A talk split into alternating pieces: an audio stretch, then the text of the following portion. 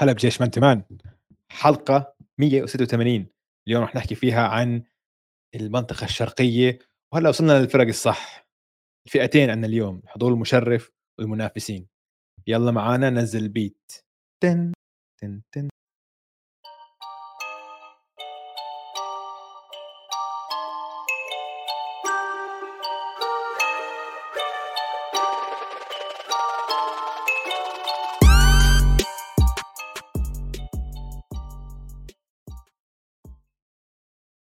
هلا دويس كيفك؟ هلا هلا أوجي.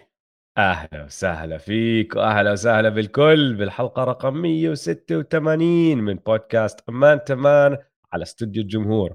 أنا اسمي أوجي معي زي دايما دويس. هلا والله البودكاست مان تمان اللي بنغطي عالم ال NBA لايف على الهواء مباشرة. أهلا وسهلا بالمستمعين اللي معنا live تحياتي. واللي عم بسمعنا بعدين. كمان أهلا وسهلا. صباح الخير مساء الخير. حسب أنت وين. أخبارك اوجي اسمع هلأ بلشنا بلشنا آه. تحضير جد. عشان الفرق الثانية اللي كنا عم نحكي عنهم كانوا الفرق المتدنية. فهمت علي؟ حكينا عن الهمل. الفاشلة الهاملة. الفرق الفاشلة. ها فاليوم حنحكي عن الفئتين الأولى والثانيه بالمنطقة الشرقية الحضور المشرف والمنافسين. بس قبل ما ندخل فيهم خلينا ناخذ جولة هيك نشوف شو صار هذا الأسبوع. وكان عندنا media day كان عندنا media day. day اسمع شو رأيك نعمل ال ال ال التالي؟ خلينا نحكي شوي عن كم بالخبر طلع. وبستاهل نناقشه يعني. وبعدين رح نعمل جولة حوالين ال media day لأنه ال media day وغردتها أنا امبارح أكتر يوم يعني ببسطني. بالان بي اي ما له خص بالأيام المباريات نفسها لأنه كمية التفاؤل اللي آه. عند كل الفرق كل الفرق وفي واحد من المتابعين رد على التغريدة قال لك كل الفرق رح تربح البطولة. و100% هذا صح. ما عدا هاي السنة فريق واحد. راح أحكي لك شو هو راح ندخل عليه بعدين. بعرف نناقشه. بس بنعمل آه، جولة حوالين الميديا دي بس قبلها بدنا نبدأ بخبرين ثلاثة سريعين واحد منهم ما بعرف قديش سريع راح يكون لأنه آه خبر مهم. بس الأسبوع الماضي ونحن قاعدين بنسجل خلصنا من هون ولا طلع خبر إنه روبرت سارفر اللي هو مالك السانز راح يبيع الفريق. نحن حكينا الأسبوع الماضي عن الإيقاف تبعه وعن مشكلته قلنا كيف بيستاهل والله معه. قال لك الزلمة بيقدر بيقدرش هو شكله وصل لاستنتاج براسه إنه بيقدرش يكمل مع الفريق وقال لك أنا بدي أبيعه. الله معك. مشكلة مش مشكلة بس هي وين الشغلة طبعا؟ إنه هو عم ببيع لأنه انفضح بمعنى آخر يعني ما فيش فيش لف ودوران حواليها الشغله بس راح يطلع بلايين. لأنه آه شرى الفريق قبل فترة وكان كتير كتير كتير قيمته أوطى من هلأ. ولما يرجع يبيعه راح يبيعه بكمل مليون وهو صاحب ترى مالك السانز والمركري اللي هو ال WNBA team تبع فينيكس. فراح يطلع بمبلغ. بس يعني مع 100 قلعة. الله معك روبرت سارفر. انت آه، يعني عنصريتك وكل اللي جبت لنا إياه على الدوري تبعنا. هو طلع إيش؟ عنصري ولا متحرش؟ ولا الاثنين؟ كل شيء كل شيء آه. كله هيك. خلطة كلها على بعضها ضاربه بس شوف هاي شوف الحياة قديش unfair آه، يعني هذا بليونير أوكي. وبسوي آه. هيك وعقابه إنه يبيع النادي ويكسب له حوالي 2 3 بليون زيادة يعني. آه يعني شو؟ معقول يا زلمة. يعني هاي آه طيب. هلأ تم إيقاف شخص ثاني الخبر هذا الأسبوع. واو. هذا الخبر الكبير اللي أثره خبر. بالنسبة لنا أكبر بكتير لأنه له خص مباشر إنه دخل مباشر باللي راح يصير على الملعب. اللي هو خبر ييمي يودوكا مدرب السلتكس.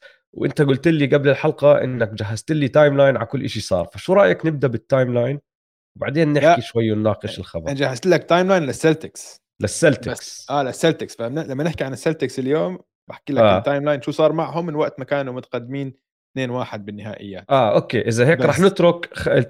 ال timeline للسلتكس. رح نحكي بس على خبر الإيقاف. آه خبر الإيقاف هلأ حاليا.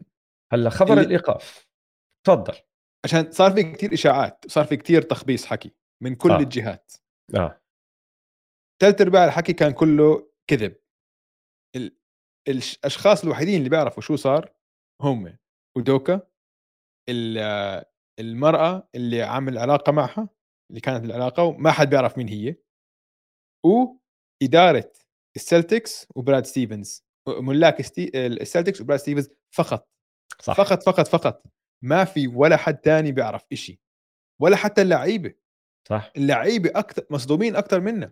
اللعيبة مش فاهمين راسهم من رجليهم.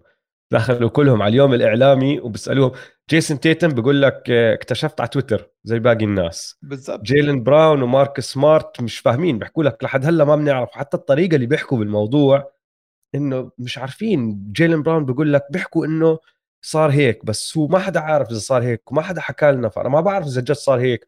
مارك سمارت بيقول لك أنا بحترمه كرجل بس ما بعرف شو أفكر بالموضوع لأنه ما حدا حكى لي. نفس الشيء روبرت ويليام ولا واحد فيهم فاهم ولا واحد فيهم فاهم أي شيء هلأ الحقائق حاليا هو آه. كان في علاقة بينه وبين وحدة تشتغل مع السلتكس هو متجوز طبعا. وللي ما بيعرف هو مين متجوز.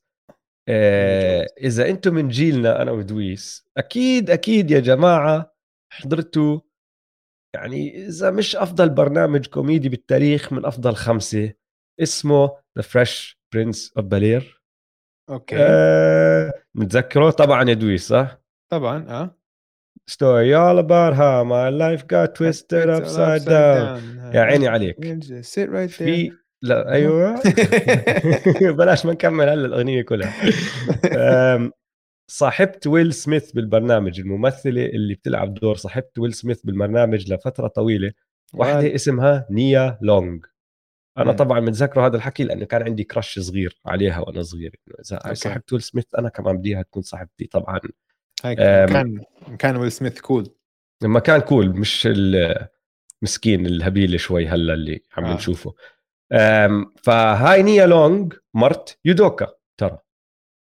ف يعني كمان إنه بعدين ما آه. يودوكا. okay. فآه هاي المعروف وفقط هلأ تم إيقافه لمدة سنة. ما كان لم يتم طرده. تم إيقافه. هلأ ليش نعمل براين ويندهورست ليش بس طرد؟ اللي... أنا بحكي لك ليش. قول لي. عشان إنه لسه ما عندهم معلومات كافية عن اللي صار وبس فقط لا غير. آه. بس أنا قعدت أقرأ. هلأ. آه هلأ عم بحققوا آه. وأنا قرأت أكثر من حدا بيحكي. وهلأ هون راح أوصل لك بنقطة ESPN ترى والإعلام ال mainstream خلينا نحكي. م.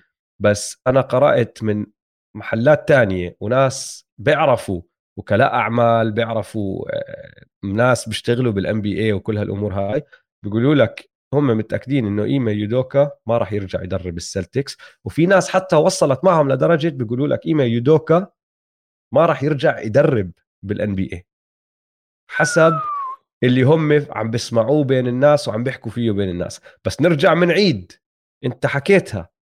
ما حدا بيعرف شو صار غير أكمل شخص ولسه عم بحققوا ماشي؟ بس قديش بس. غريب قديش غريبة هاي الشغلة من هلأ بنحكي عن ESPN بس قبل ما نحكي عن خبر إنه شيء جد الواحد صعب ما يفكر أو يحاول يتخيل شو عم شو صار. إنه يعني دائما دائما بصير في علاقات ترى إنه مش إنه آه. هي مش هي لو مش شيء جديد ابدا. دائما إنه خاصة بال NBA بكل إنه وين ما كان فهمت علي؟ بتصير هاي العلاقات بين ناس متجوزين. صح. هاي مش المشكلة. فمش فاهم شو يعني شو هال إيش هال إيش اللي صار اللي لهالدرجة man إيمي يودوكا كان أفضل مدربين و... واسمع وما في أي نقاش الموضوع إنه minimum سنة طرد minimum وبعدين minimum سنة إيقاف. إيقاف قصدي آه, آه, آه. إيقاف. يعني مش فاهم لهلأ الصراحة صعب الواحد إنه مش فاهم شو ممكن يكون صار. هلأ هون راح ندخل باي اس بي ان وبرا اي اس بي ان طيب؟ م. مين أول واحد أعلن عن الخبر؟ ووج ووج تذكر لما حكينا عن دورانت؟ وجبت لك سيرة ال CAA اللي هي الشركة اللي بتمثل ووج وبتمثل كتير ناس بعالم ال NBA بما فيهم لاعبين بما فيهم مدربين بما فيهم حكام كل إشي صح؟ فال CAA ووج هم مربوطين ببعض وطبعا ايمي يودوكا كمان CAA فلما طلع الخبر كيف طلع؟ طلع بهالتغريدة الغريبة. شفت الصورة خلاهم يعملوا له تصميم على الصورة breaking news from ووج وبعدين بال breaking news بالتغريدة نفسها ما حكى إشي بس حكى كتير. إنه طلع وحكى إنه في إشي صار. وراح يكون في إيقاف ممكن لسنة بس مش متأكدين لسه 100% بس المصادر بتحكي إنه راح يكون في إيقاف ممكن لسنة. لشغله عملها ايمي يودوكا ضد it violates the the the the code of conduct ولا اللي هو إنه ضد اللي هو آه، النادي وارشادات النادي واللي هو. ما حكى شيء ثاني طبعا محققين تويتر نزلوا وهون صار شيء كتير وسخ كتير وسخ. لا هاللحظة عشان طلع شامس بعد بساعة وحكى إنه علاقة. علاقة بينه وبين واحدة بتشتغل على تويتر. آه وهون صار التحقيق البشع مع أيوه. محققين تويتر. صاروا يلاقوا أي وحده بتشتغل مع النادي ويطلعوا اسمها ويقعد يحكوا هاي هي وهاي هي وهاي هي. وطبعا كل حدا عم بيحكي من هون ومن هناك. بديش أحكي من وين عم بيحكوا بس أنت عارف من وين عم بيحكوا الناس. وكتير كتير أساءوا بسمع هدول الناس اللي ما لهم خص ثلاث أرباعهم. حتى لو وحدة فيهم كانت هي الصح ما بصير هيك يحكوا فيها الناس بس حكوا هيك. وهذا كله طلع من التحقيق اللي مش صح. شامس طلع بتغريدة تانية بعديها وهون النقطة اللي أنا جاي أوصل لك فيها. حكى شغلة بقول لك غير إنه كانت علاقة هو شكل شكله غلطان عليها أو أو حاكي إشي أو أذاها بطريقة إنه هي راحت اشتكت للسلتكس. فهمت علي؟ وهون بدت قصة ال... أوكي الإيقاف 100% راح يصير لسنه بس شكله لازم نحقق أكثر لأنه ممكن يكون إشي أسوأ بترجع تربط مع قصة اللي هو طيب ليش الناس اللي قراب ليش وكلاء الأعمال اللي بيعرفوا بالنوادي وكيف بتعاملوا الإدارات مع النوادي وكل هالأمور هاي عم بيقولوا لك إنه في احتماليه ما نرجع نشوف ايما يودوكا مع السلتكس حتى بعد السنة في ناس بيقولوا لك ممكن ما نرجع نشوفه بدرب الدوري. خلص راحت عليه فرصته. ففي شيء لسه ما بنعرفه راح نستنى لتطلع التفاصيل بس الطريقة اللي طلعوا وأعلنوا فيها بشعة. وبترجع كمان مرة زي ما حكيت بتربط مع موضوع السي اي اي وكل هدول الناس هلأ صاروا مربوطين بشغلة واحدة إنه أنا وياك بيمثلونا نفس الشركة فأنا ما بدي أغلط عليك فالطريقة اللي ESPN أو أهم شخص عند ESPN قاعد بيحكي وبيعلن وبكتب بتغريداته عم بحاول يقلل زي ما تحكي من اللي عم بيصير عشان يحمي الشخص الثاني بس وهو عم بيعمل هيك عم بخرب على كثير ناس غيره م. فكلها كركبة كركبه وهذا الأسبوع كان أسبوع وسخ للسلتكس أسبوع جدا وسخ أو لإدارة السلتكس خلينا نحكي مش بس مش للعيبة لأنه اللعيبة ما لهم خص ف ال ال الفكرة إنه مش مفروض هيك وفي سؤال كتير حلو من سعود الشمراني. طب ليش المرأة ما صار لها شيء أو ما انفضحت مثل يودوكا؟ أنا راح أجاوبك على هذا السؤال يا سعود. السبب الوحيد اللي طلعوا أعلنوا فيها هدول الناس هو لأنه كان جاي اليوم الإعلامي ثاني يوم وتخيل ايمي يودوكا مش موجود. فهمت علي؟ تخيل ايمي يودوكا ما كان موجود باليوم الإعلامي. راح يبدوا يسألوا الناس. فاللي حاولوا يسووا السلتكس هو إنه يعلنوا عن هذا الخبر قبل. يقولوا لك هيك هيك راح يصير. بس الغلطة صارت بالطريقة اللي أعلنوا هذا الشيء المرأة اللي إلها خص بهاي القصة ما انفضحت لأنه بصراحة لسه في تحقيق عم بيصير. ولو ايما يودوكا مش المدرب أو لو هذا الحكي صار قبل شهر أو شهر ونص ممكن ما كان سمعت عنه. كان ضل مخبى لا عرفوا شوي أكثر وصار في عندهم تفاصيل وبعدين طلعوا وأعلنوا بالموضوع. بس اليوم الإعلامي بعدها بيومين. تخيل أنت أول يوم بالموسم مفروض تقعد تقابل كل هالصحفيين والإعلام وتحكي عن فريق وفرص الفريق وأنت الفريق اللي موصل النهائيات مش أي فريق. م. يعني الوصيف تبع البطوله الموسم الماضي وما يكون مدربك قاعد راح تبدأ الأسئلة وإلا ما حدا يحكي شيء هي مش بالواجهة زيه. هو وجه الفريق. يعني وبعدين ايما يودوكا مش مدرب غير معروف مدرب له شخصية وهيبة. ف يعني جد قصة غريبة مستفزة مش مش حلو أي شيء صار فيها. Yeah. وآثارها ممكن تكون كتير كتير كبيرة. ويعني بصراحة كمان صعبة صعبة يا أخي صعبة صعب التعامل فيها. تخيل خبوا على الموضوع غطرشوا على الموضوع وبعدين راحت هي المرأة اللي بالقصة زي افترض خلينا نفترض طلع في منه الحكي إنه هو غلط عليها ولا اللي هو وما عملوا إشي وراحت هي أخذت قصتها للإعلام. لسه م. أسوأ وأسوأ للنادي ولإله ولكل حد دخله بالموضوع. فما بعرف شو أحكي لك بصراحة أكثر من هيك إنه غريب غريب اللي صار.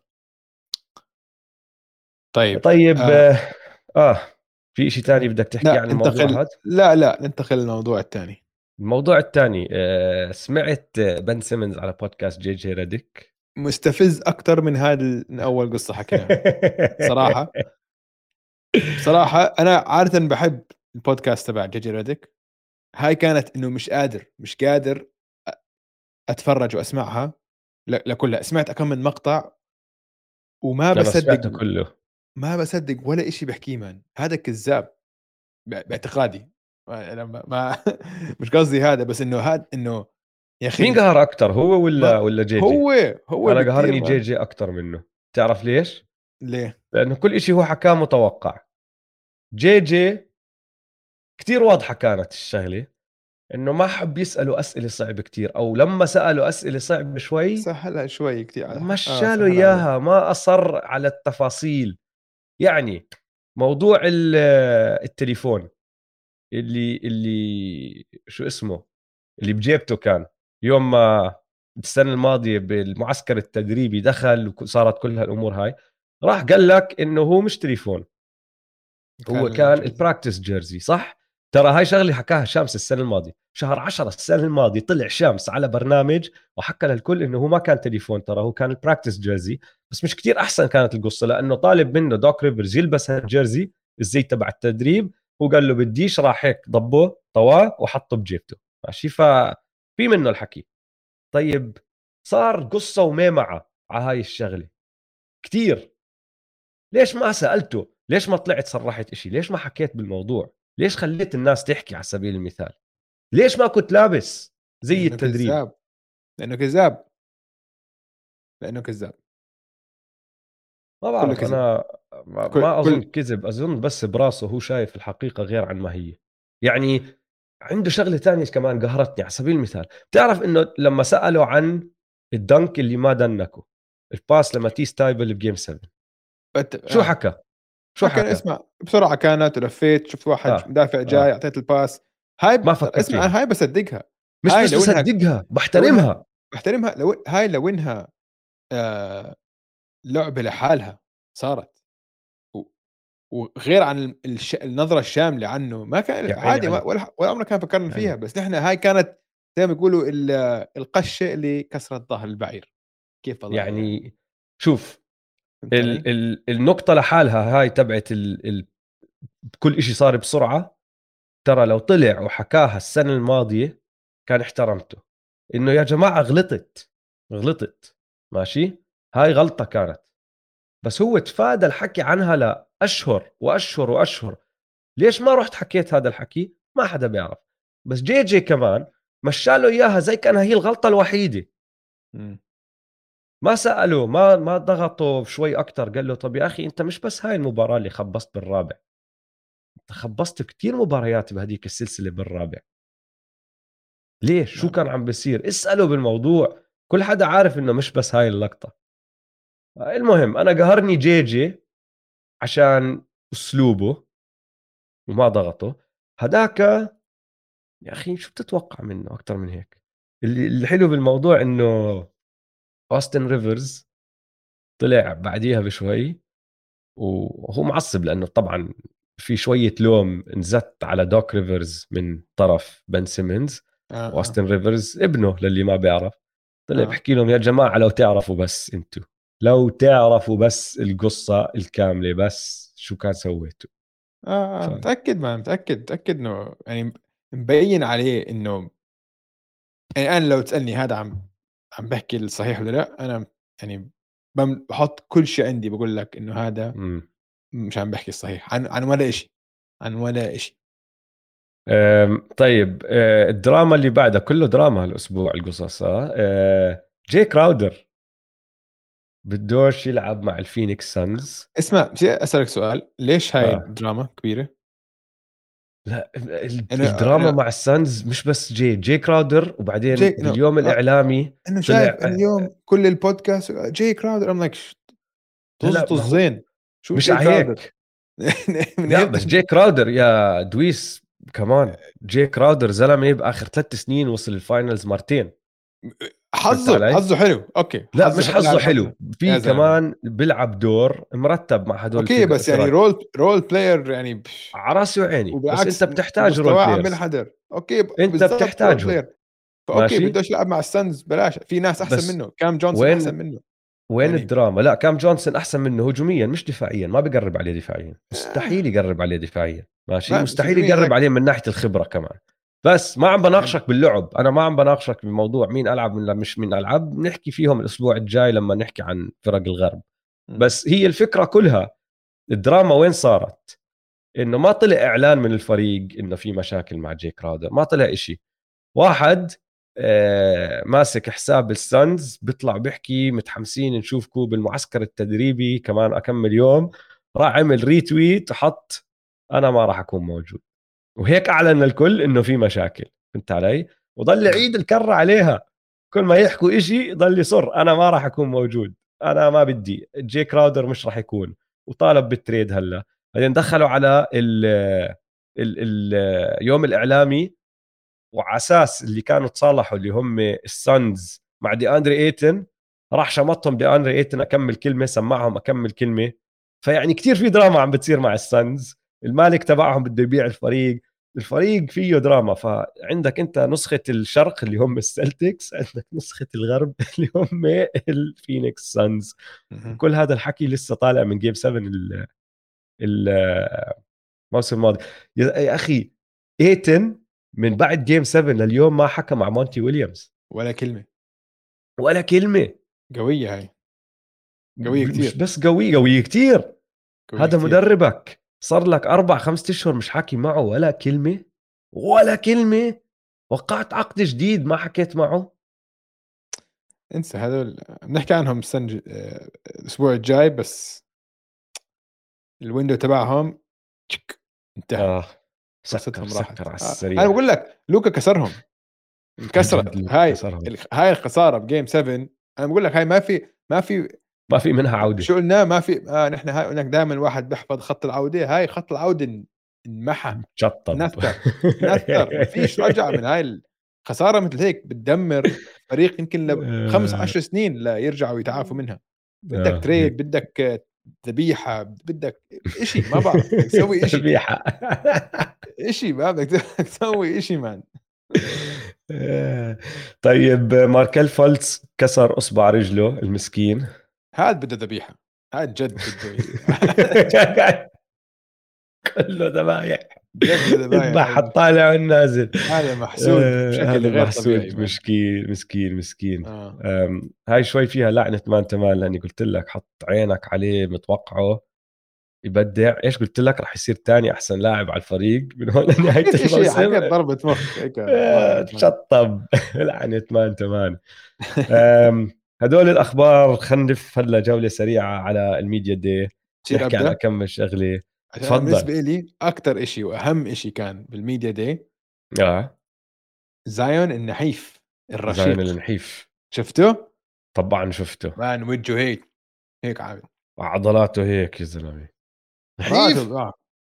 وهو عم بيحكي لك آه، أنا أسرع وبنط أعلى وأقوى كل شيء تطور فيه زي كأنك شمطته upgrade آه آه. ال before and after pictures هلأ اسمع هو كتير بيشبه هذا الكرتون how to train dragon عمرك شفته؟ لا بس والله شوف والله شوفوا الفيديو. أو حط تبع هذا ال dragon how to train dragon ال cartoons. في منهم 1 و 2 how to train dragon في هيك ال... هيك ال dragon الأسود هو ال main character آه هو بيشبه التنين. التنين آه التنين نفسه. آه آه بيشبه التنين شايف الشبه. صح صح صح. آه, آه بيشبهه كثير وهلأ صار يشبهه أكثر لسه صار عشان انحف يعني كان لما لما السنة الماضية كان وجهه كثير مدور. رقبته هالقد زيه. بالضبط مان بالبقلو كثير فلأ آه، آه. زايون نحيف يعني حاسب. فزايون النحيف بطل كوكب. انتهت نكت الكوكب راحت لا بس آه. برجع هذا واحد من الشباب اللي بحس اللي إذا أسبوع فلت فهمت علي؟ إذا أسبوع فلت برجع بنفخ هيك مرة واحدة. إذا إذا انصاب وقعد على الدكة لأسبوع انسى وضعك. آه آه. اكتئب مثلا. اكتئب أسبوع زمان تخانق مع صاحبته لا بس آه أنت تذكر إنه بالعقد الجديد تبعه حاطين له حد أقصى لا بيقدر يوصله من ناحية وزن ومن ناحية نسبة فات نسبة دهون بجسمه صح صح صح. إذا طلع عنها بيجيش مصاري بخصموا عليه راتبه. ففي حافز هلأ فهمت علي؟ بوب جريج بوبوفيتش أفضل مقولتين بكل ال media day طلعوا من عنده. فواحدة كتير ناس بعثوا لي إياها لأنه جاوب سؤال نحن سألناه وكنا عم نحكي عن سبيرز إنه ليش لسه بدرب؟ ليش بدرب؟ فسألوه نفس السؤال قالوا له what keeps you going أنت؟ شو بدفعك لليوم إنك تضل تدرب؟ لف عليهم قال لهم راتبي. مصاري. عبلاطة. حق. فهي كانت حلوة. بس اللي أحلى منها اللي هي عكس التفاؤل اللي موجود بكل محل. حكينا كل الفرق تقدر تربح البطولة ما عدا فريق واحد وجريج بوبوفيتش قعد بالمؤتمر تبعه وبيحكي للناس بتطلع بالميكروفون بتطلع عليهم وبكل بطء حكى لهم نوبدي ولا حدا. بعدين وقف عشان الدراما. يروح على فيغاس ويراهن إنه هذا الفريق راح يربح البطولة. أعطاهم تنبيه قال لهم ما تسووها هي إنذار مني لكم لا تعملوها. ف... كل فريق ثاني عم بيحكي نحن طموحنا آه البطوله وهيك. وانه اسمعوا نكون واقعيين بقول لكم. عبلاطة لا تروحوا على آه، لا تروحوا هناك. أشياء حلوة لفتت انتباهي غير هيك من ال من اليوم الإعلامي طبعا النتس. في ناس سألوا كيدي عن آه، مطالبته بتريد قبل مش مش كثير يعني. وعبلاطة جاوبهم بكل صراحة قال لهم بصراحة ما ما كان عاجبني الفريق آه، وين كان اتجاهه وين كان رايح. بس بعدين قعدت مع جوزيف ساي. وحلينا المشاكل. طبعا هي مش هيك والجزء الثاني من هذا التصريح يعني غيروا شوي ما لاقوا له تريد وكل هالأمور هاي. بس اللي لفت انتباهي أكثر لما حكى يقول لك I committed to this organization for four years last summer with the idea that we were going to play with that group that we kind of went on a little round to the second round with in the 2021 post season فيعني عم بحكي لك إنه أنا وقعت لكمان أربع سنين السنة الماضية وبراسي كانت الفكرة إنه راح نكمل مع نفس المجموعة نفس الجروب اللي وصلنا فيه للدور الثاني ب playoffs 2021 وحكاها بكل جدية. وأنا قاعد بفكر بس يا أخي السبب الوحيد اللي اضطريتوا تغيروا الناس أو أكبر تغيير صار من ورا هاردن ومن ورا كايري. إنه كيف يعني عم بتلوم أي حدا تاني على اللي صار غير هدول الاثنين وما جاب سيرتهم طبعا. وقف مع كايري بكل شيء وكايري بيقول لك خسرت 100 مليون من وراء هذا الإشي وبعرف إيه. ما حكى إشي. بس ما بصير تكون متضايق من إشي سواه الزميل اللي أنت اخترته لحالك. فبس يا كيدي إذا سمحت. كيدي بس أظن بس... أظن آه. عم بيح... يعني تعرف لو لو لو عم لو أي شخص عم بيحاول يكره الجمهور فيه ما بيعمل اللي بيعمله اللي بيعمله كي دي. مش فاهم إنه وحكى شيء ثاني إنه شو رأيك بالجمهور النتس اللي يعني ممكن اللي, اللي يعني اتضايق أو أو زعلوا عشان طلب تريد وهيك قال هاي مش مشكلتي مشكلتهم. يعني إنه إذا طب مشي مشي حكي احكي. شغلي إنه إنه جد جد هذا الشخص مش فارقة معه الدنيا.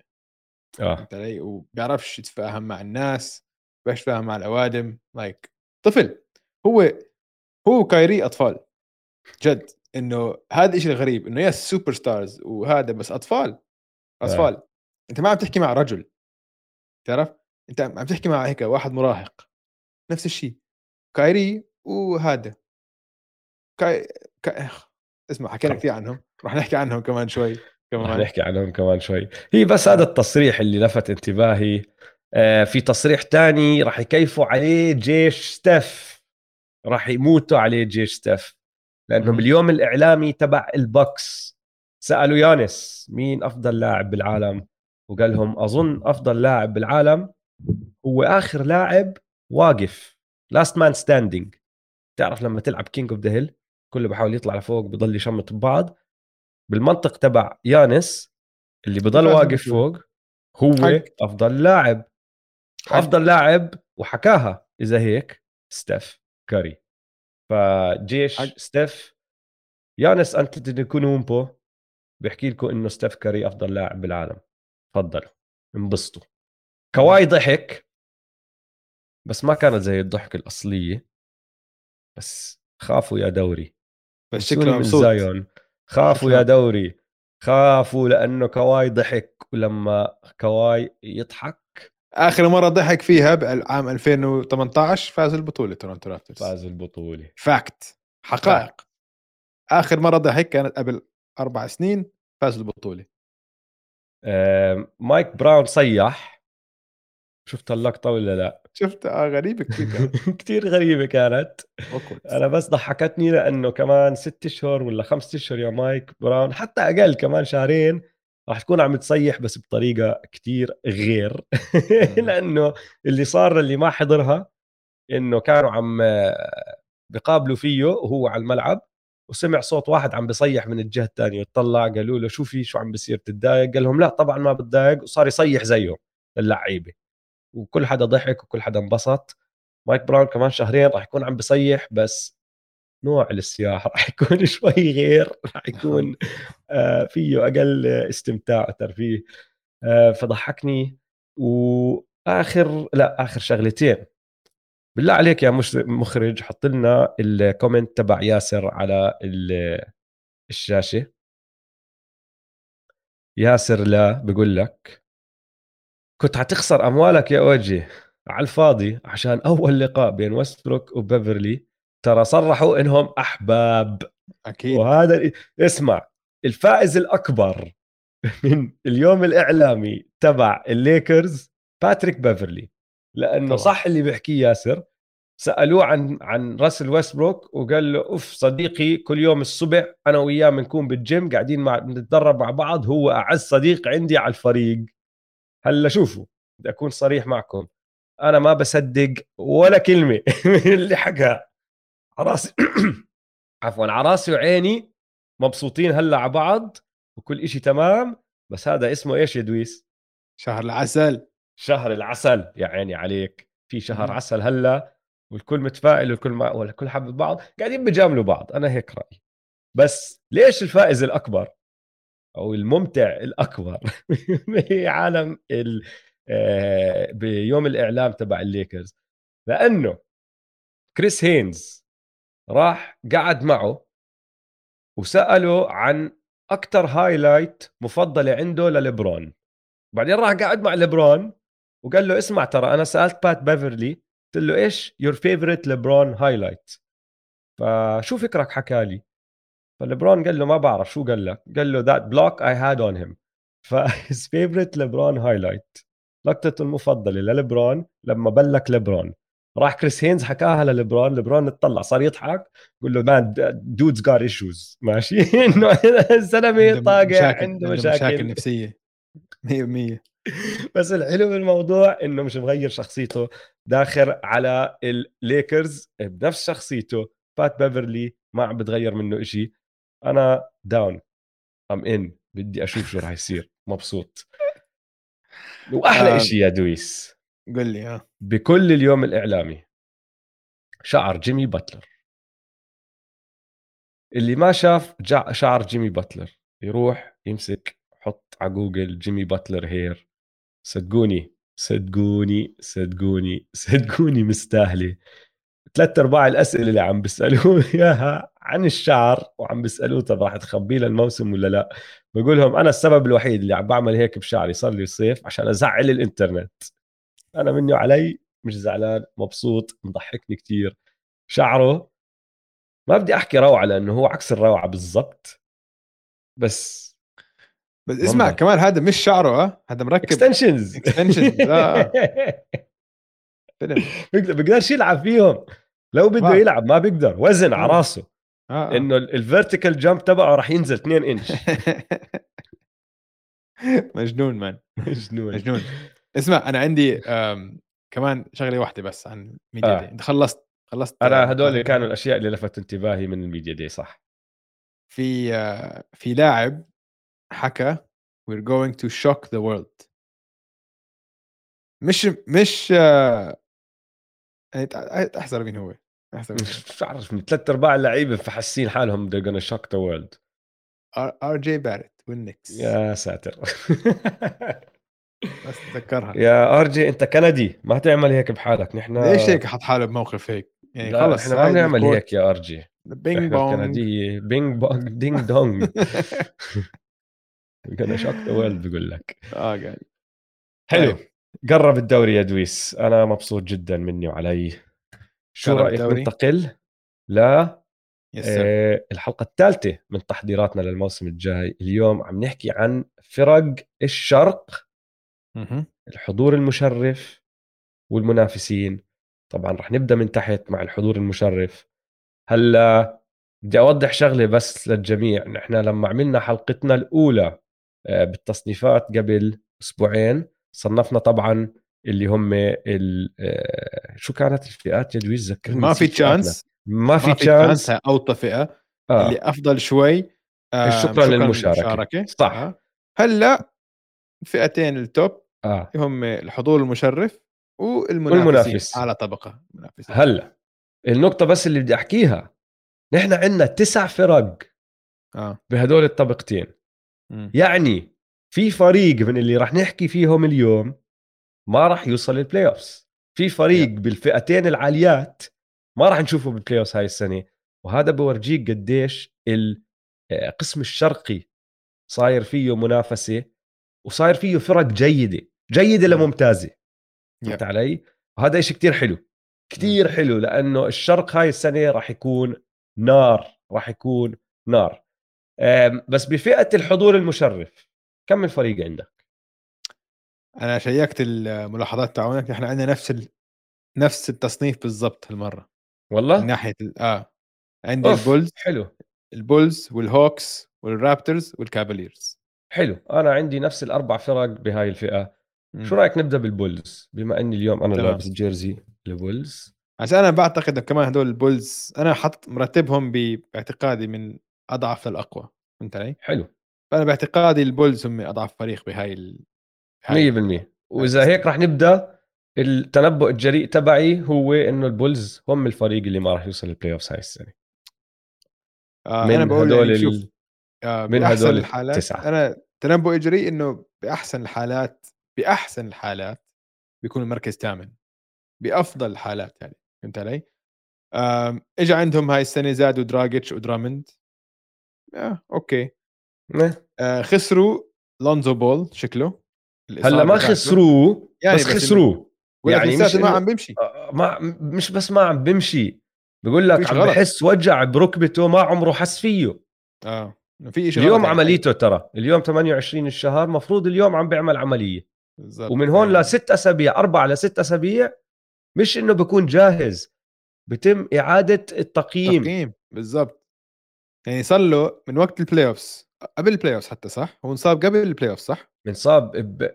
مش لاعب صار له من 14 واحد أوكي 10 أشهر مش لاعب ولسه بقول لك يا دوب عارف يمشي وهلا كمان عملية فلما يرجع إذا رجع بده يكون شكله فوق السنة مش لاعب ف هذا يعني شيء مؤسف جداً متفائل صراحة. أنت متفائل إذا آه. آه. راح يرجع بشهر واحد أنا بعد اللي عم بقرأه الطريقة اللي هو عم بيحكي فيها ما أتوقع يرجع حتى بشهر واحد ممكن شهر اثنين أو بعد هيك آه. فأنا معك آه. خسروه وهاي مشكلة كبيرة مع ال Bulls لأنه هلأ السؤال الكبير تبعهم شو راح يعملوا بمركز ال point guard بدونه السنة. الماضية آيو دسونمو اللي كان rookie لعب بمركزه ولعب 40 مباراة أظن 37 مباراة إشي هيك آه، أساسي point بعدين بال playoffs لاحظوا ال Bulls إنه لا ما بزبط هيك. كان راجع كاروسو لعبوا كاروسو point guard ولا هاي ولا هديك اشتغلت. yeah. دراجيتش على راسي وعيني مخضرم بيقدر يساعدهم أحسن من هدول التنين بس ما بيساعدهم على الجهة الدفاعية. yeah مش starter كمان. وهاي النقطة اللي بدي أربط فيها. السنة الماضية تتذكر كنا نحكي أو أنا كنت دائما أحكي لك إنه عندهم مشكلة intern interior defense ال defense تبعهم جوا فيه مشكلة. لما يكون آه. عندك لونزو وكاروسو برا عم بيساعدوك بهذا الإشي لأنه عم بغطوا الثغرات اللي موجودة. بس جوا عندهم مشكلة. وهاي السنة ما ما زادوش عليها إشي يعني. أنت عم عم بتكلوا على ناس كانوا موجودين يتحسنوا. فهمت علي؟ يعني باتريك ويليامز ال savior هلأ صار المنقذ تبعهم. لا أنا sorry مش شايف إشي كتير من باتريك ويليامز اللي راح يساعدك بهذا الإشي. آه، فوسيفيتش ما راح يتحسن وضعه. دمار ولافين. ممكن بس كمان على ال wing هدول. عم بتحط دراجيتش ولا كوبي وايت ما بزبط. دسونمو بيلعب أوكي بس بعدين بتخسر على الهجوم كتير. وبدي أذكرك بمعلومة. السنة الماضية سجل ال Bulls ضد ال top four القسم الشرقي. ها كان كارثي. انتصار واحد و14 خسارة. يا. ف صعب يا أخي صعب مش شايف إنه وضعهم مطمئن. طبعا لسه عندهم فريق أحسن من اللي حكينا فيهم الأسبوع الماضي على الورق إذا ما صار إصابات كل هالأمور هاي. بس كل حدا بالقسم الشرقي يا تحسن يا على نفس المستوى هم رجعوا لورا شوي خصوصا مع هاي الإصابة تبعت لونزو بول. آه. أنا ال ال أكبر سؤال لي أو واحد من الأكبر أسئلة إنه هل نحن شفنا أفضل نسخة من زاك لافين؟ لا. منيح. هاي شغلة إيجابية لمشجعين ال Bulls. يعني إذا زاك آه. لافين لسه في كمان level up ممتاز. ديمار دي روزن هل بيقدر يستمر بمستوى لا. موسم السنة الماضية؟ مستوى الموسم الماضي يا دويس. أنا كنت كان... حاطط عيني أنا تحت حاطط عيني على حطيت ديمار دي روزن السنة الماضية كان معدله 27.9 نقاط بالمباراة career high ماشي؟ وغير هيك 5.2 rebounds و4.9 assist و التريليون zillion ألف clutch shot اللي عم اللي حطها. السنة yeah. الماضية كان هو ويانس متعادلين كالمتصدرين بالتسجيل بالتهديف بالكوارتر الرابع. 8.4 التنين كان معدلهم بالكوارتر الرابع. ومتذكر آه أنت اكمل كلتش شوت حط؟ أنت مقتنع إنه بيقدر يرجع يعيد نفس المستوى هاي السنة؟ أم لا بس ما بعتقد الانحدار حيكون كبير. يعني ما بتفق. ما اعتقد 27 بس بعتقد بيكمل على 25 نقطة المباراة. تمام. زاك لازم يعوضهم. زاك لازم يعوضهم. صحيح. هاي هي. هاي بالضبط و... وما بعرف إذا زاك جاهز يعوضهم ولا مش جاهز. أنا بحبه. بس حكيها أكثر من مرة ما بعرف إذا زاك number 1 على فريق منافس أو على فريق جدي بده ينافس ممكن number 2 أو 3 مش عارف يعني مش شايف كتير فرق بين البولز السنة الماضية والبولز السنة هاي. شايف نفس نفس نقاط الضعف بس داخلين على الموسم وواحد من اللعيبة اللي ساعدهم كتير مصاب. وكل حدا حواليهم أحسن. يا yeah. um, فيجاس بتقول متوقعينهم 42 فوز. 42 42 ونص. السنة الماضية كانوا أنهوا ب 46 آه. أنا بحكي under أنا كمان. بس مش بكتير. يعني 40 أنا كمان. 41 شيء هيك. آه بعديهم كابز لا أنا حاط الهوكس نحكي بالهوكس يلا آه. الهوكس يعني أنت لحظة يعني أنت بتعتقد انه الكابز بيخلصوا أفضل بسجل أفضل من الهوكس لا أنا مش ح... مش مرتبهم. أوكي فأنا مرتبهم فخلينا نمشي بالترتيب. آه تمام. هوكس اتفق إنه هوكس ثاني فريق بهال بتفق. من تحت يعني. آه يعني لو لو علي انقي فرق آه باخذ الكابز فوقيهم وباخذ الرابترز فوقيهم أكيد. أوكي تمام. ف الهوكس. الهوكس. مين دخل عليهم؟ ديجونتي موراي و الشرير. كامينسكي جون تي ماري الشرير. ارن هوليدي دخل عليهم. ارن هوليدي وفرانك اي جي جريفن روكي هذا. 16 ما دخل عليهم حدا كتير مهم. كمان فرانك كامينسكي انسى. ما دخل علي عليهم حدا كتير مهم. دخل عليهم ديجانتي أكبر آه. اسم آه. وأهم اسم. وطلع من عندهم كيفن وورتر ودانيلو جاليناري. هلا شوف الموسم الماضي كان مخيب للامال خاصة أوله. يعني أول 42 مباراة أول نص الموسم يعني كان سجلهم 17 فوز و25 خسارة. صح. كان هجومهم جيد بس دفاعهم كان كارثي كان ثالث أسوأ دفاع. بعدين قلب الموازين شوي آخر 40 مباراة خلصوا بسجل 26 فوز و14 خسارة. وكان عندهم ثالث أفضل هجوم ودفاعهم صار متوسط صار 16 على الدوري. تحسنوا كثير وصلوا ال play-in بعدين وصلوا ال playoffs وخسروا ضد فريق ميامي اللي كثير كان آه، أفضل منهم. أقوى منهم ف... آه. ف كان عندهم ال hangover من واصلين النهائيات القسم الشرقي بعتقد وبدوا بداية كثير سيئة. صح. كثير كثير سيئة بس زبطوا زبطوا حالهم شوي. ف أول سؤال لي إنه أي أي هوكس حنشوف؟ اللي بلش الموسم السنة الماضية ولا اللي خلصوا الموسم السنة الماضية؟ لا هيك ولا هيك. أحكي لك ليش؟ ليه؟ على الورق تحسنوا ولا لا؟ ما بعرف.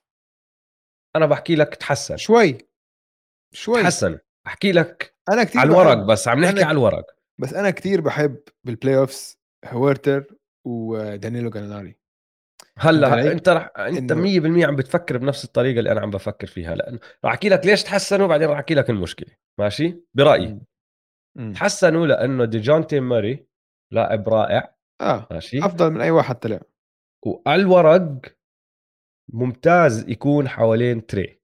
م. يعني مدافع رائع على ال perimeter بعوض على اللي أنت خسرانه لما يكون تري هناك. بيقدر يلعب صانع ألعاب لما يريح تري بصفي أو حتى وتري موجود فهمت علي؟ بيقدر يساعده كصانع ألعاب ثاني وال driving تبعه الاختراق تبعه ممتاز. فلما تري يقعد يسحب ناس لعنده بيقدر يستفيد من هاي الشغله ولما يصفي هو مع دي أندري هانتر ومع كلينت كابيلا الثلاثه عم بيلعبوا يعني هذا الدفاع عندك ثلاثة مدافعين جيدين جدا فهمت علي؟ مشكلته الوحيدة اللي أنا شايفها جنب تري إنه ما بيعرف يسدد. فما عم بيفتح لتري الملعب زي واحد زي هويرتر لما يكون هويرتر جنبه بدك تقدرش تتركه فاضي لأنه راح يحط ثريات تبعته. بس وين المشكلة؟ عشان يجيبوا لديجونتي موراي تخلصوا من لاعب كان أساسي ل 60 مباراة على ال wing ولأول big بنزلوه من دكة الاحتياط اللي هو جاليناري. طبعا ال wing اللي عم بحكي عنه 60 مباراة هويرتر فهلأ إذا هم كلهم متعافين ما عندهم أي مشكلة من ناحية إصابات ال eight man rotation أهم ثمانيه عندهم رائعين. تري يونغ آه. ديجونتي موراي دي اندري هانتر جون كولينز كلينت كابيلا بوغدان بوغدانوفيتش آرون هوليدي واوكونجو اوكونجو ماشي؟ بس وين المشكلة؟ زي ما يقولوا لك top heavy إنه كتير مركز المركز الموهبة مع الأوائل هون. آخر اثنين يعني هوليدي واوكونجو مع كل احترامي لهم إذا صفوا ماخذين محل حدا تاني من ال من الست اللي أنا ذكرتهم مش نفس المستوى. وبشكل عام أنت كفريق NBA بتقدر تمشي مع هيك rotation ثمانيه إذا هدول الثمانيه من اللعيبة اللي ما بنصابوا كتير. ما راح تقضي فترات بدونهم. وين المشكلة بس مع هدول الهوكس إنه بآخر ثلاث سنين معدل المباريات اللي لعبها جون كولينز 53 معدل المباريات اللي لعبها هانتر دي اندري هانتر 46 بوغدانوفيتش 56 كابيلا 58 ولا واحد فيهم تقدر تتكل عليه من ناحية الصحة. كابيلا الوحيد اللي حتى وصل 65 مباراة السنة الماضية. فيعني راح يجي اليوم اللي واحد راح ينصاب ممكن تصمد. إذا اثنين انصابوا راحت تدمرت وراح تنزل بالترتيب بسرعة كتير. آه يعني تخيل شوف أنت ال top heavy comment بتفق معها 100% عندك ال... في lineup ممكن يكون نار مثلا. أنت عندك بوغدان بوغدانوفيتش وموراي وتري مع هانتر كولينز. هدول small ball lineup خرافي الصراحة. أنت لين تلعب كولينز بال five وعندك أربعة wide out وحتى كولينز بتفتح الملعب معاه. nice إنه مسلي راح يكون فريق مسلي. بس يعني وين وين سقفهم مش عارف صراحة ما بعرف إذا تحسنوا كثير خاصة بالنسبة لباقي المنطقة الشرقية. يعني هلأ الشيء الوحيد افضل شيء عنده طبعا هو تري يونغ طبعا. تري يونغ السنة الماضية كان خرافي كمان مرة 28 نقطة 9 اسيس هاي هو بس خامس لاعب بتاريخ ال NBA يكون عنده هاي الارقام 29 نقطة و9 assist. يعني خي... لاعب لاعب خيالي. ويمكن يتحسن أكثر هلأ لو بتعلم يلعب off the ball بصير إنه يصير فعال ويصير خطير بدون الكرة زي ستيف كاري خاصه هلأ معاه آه. ديجونتي موري عشان حلو هاي بس بصير أعلق آه. عليها على السريع لأنه أنا آه. هاي كنت حاططها keep an eye on اللي هو آه، حط عينك على تري وكيف راح يستعملوه off the ball off the ball آه ال catch and shoot stats تبعونه السنة الماضية 48.8% و48.1% على الثلاثيات اللي catch and shoot فرائعين. رائعين بس عمل شغله كان يشوت واحدة من المباراة؟ يعني لا كان يشوت واحدة وشوي ماشي مش كتير بس يعني آه. عم بحطه بنسبة عالية. السنة هاي تدرب مع آه، مدرب ستيف كاري by the way هاي النقطة okay. بس اللي بدي أوصلها. فهو عارف إنه هذا الحكي ممكن يصير لأنه عارف إنه ديجونتي اجاه فحط عينك عليها. هي واسمع. نقطة كتير حلوة. وشاف شو صار فيه مع بال Heat. ال Heat يعني لعنه شكله دفاعيا. صح. إنه كلبش كلبشوه خلص إنه آه. فهاي لما أنت توصل لخلص أنت تصير نجم وخلص. هلأ كل حدا عارف مين تري. ما في فريق ما راح يحضر لك مثلا. قبل سنتين بال playoffs ما حد كان جاهز لك. فهمت علي؟ هلأ لا. هلأ أنت صرت نجم.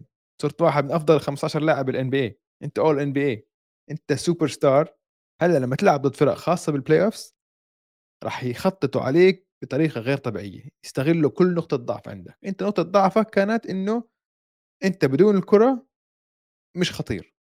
مع الكرة خطير فممكن صار الدفاع بيقدر يخطط كيف يوقفك يحد من خطورتك.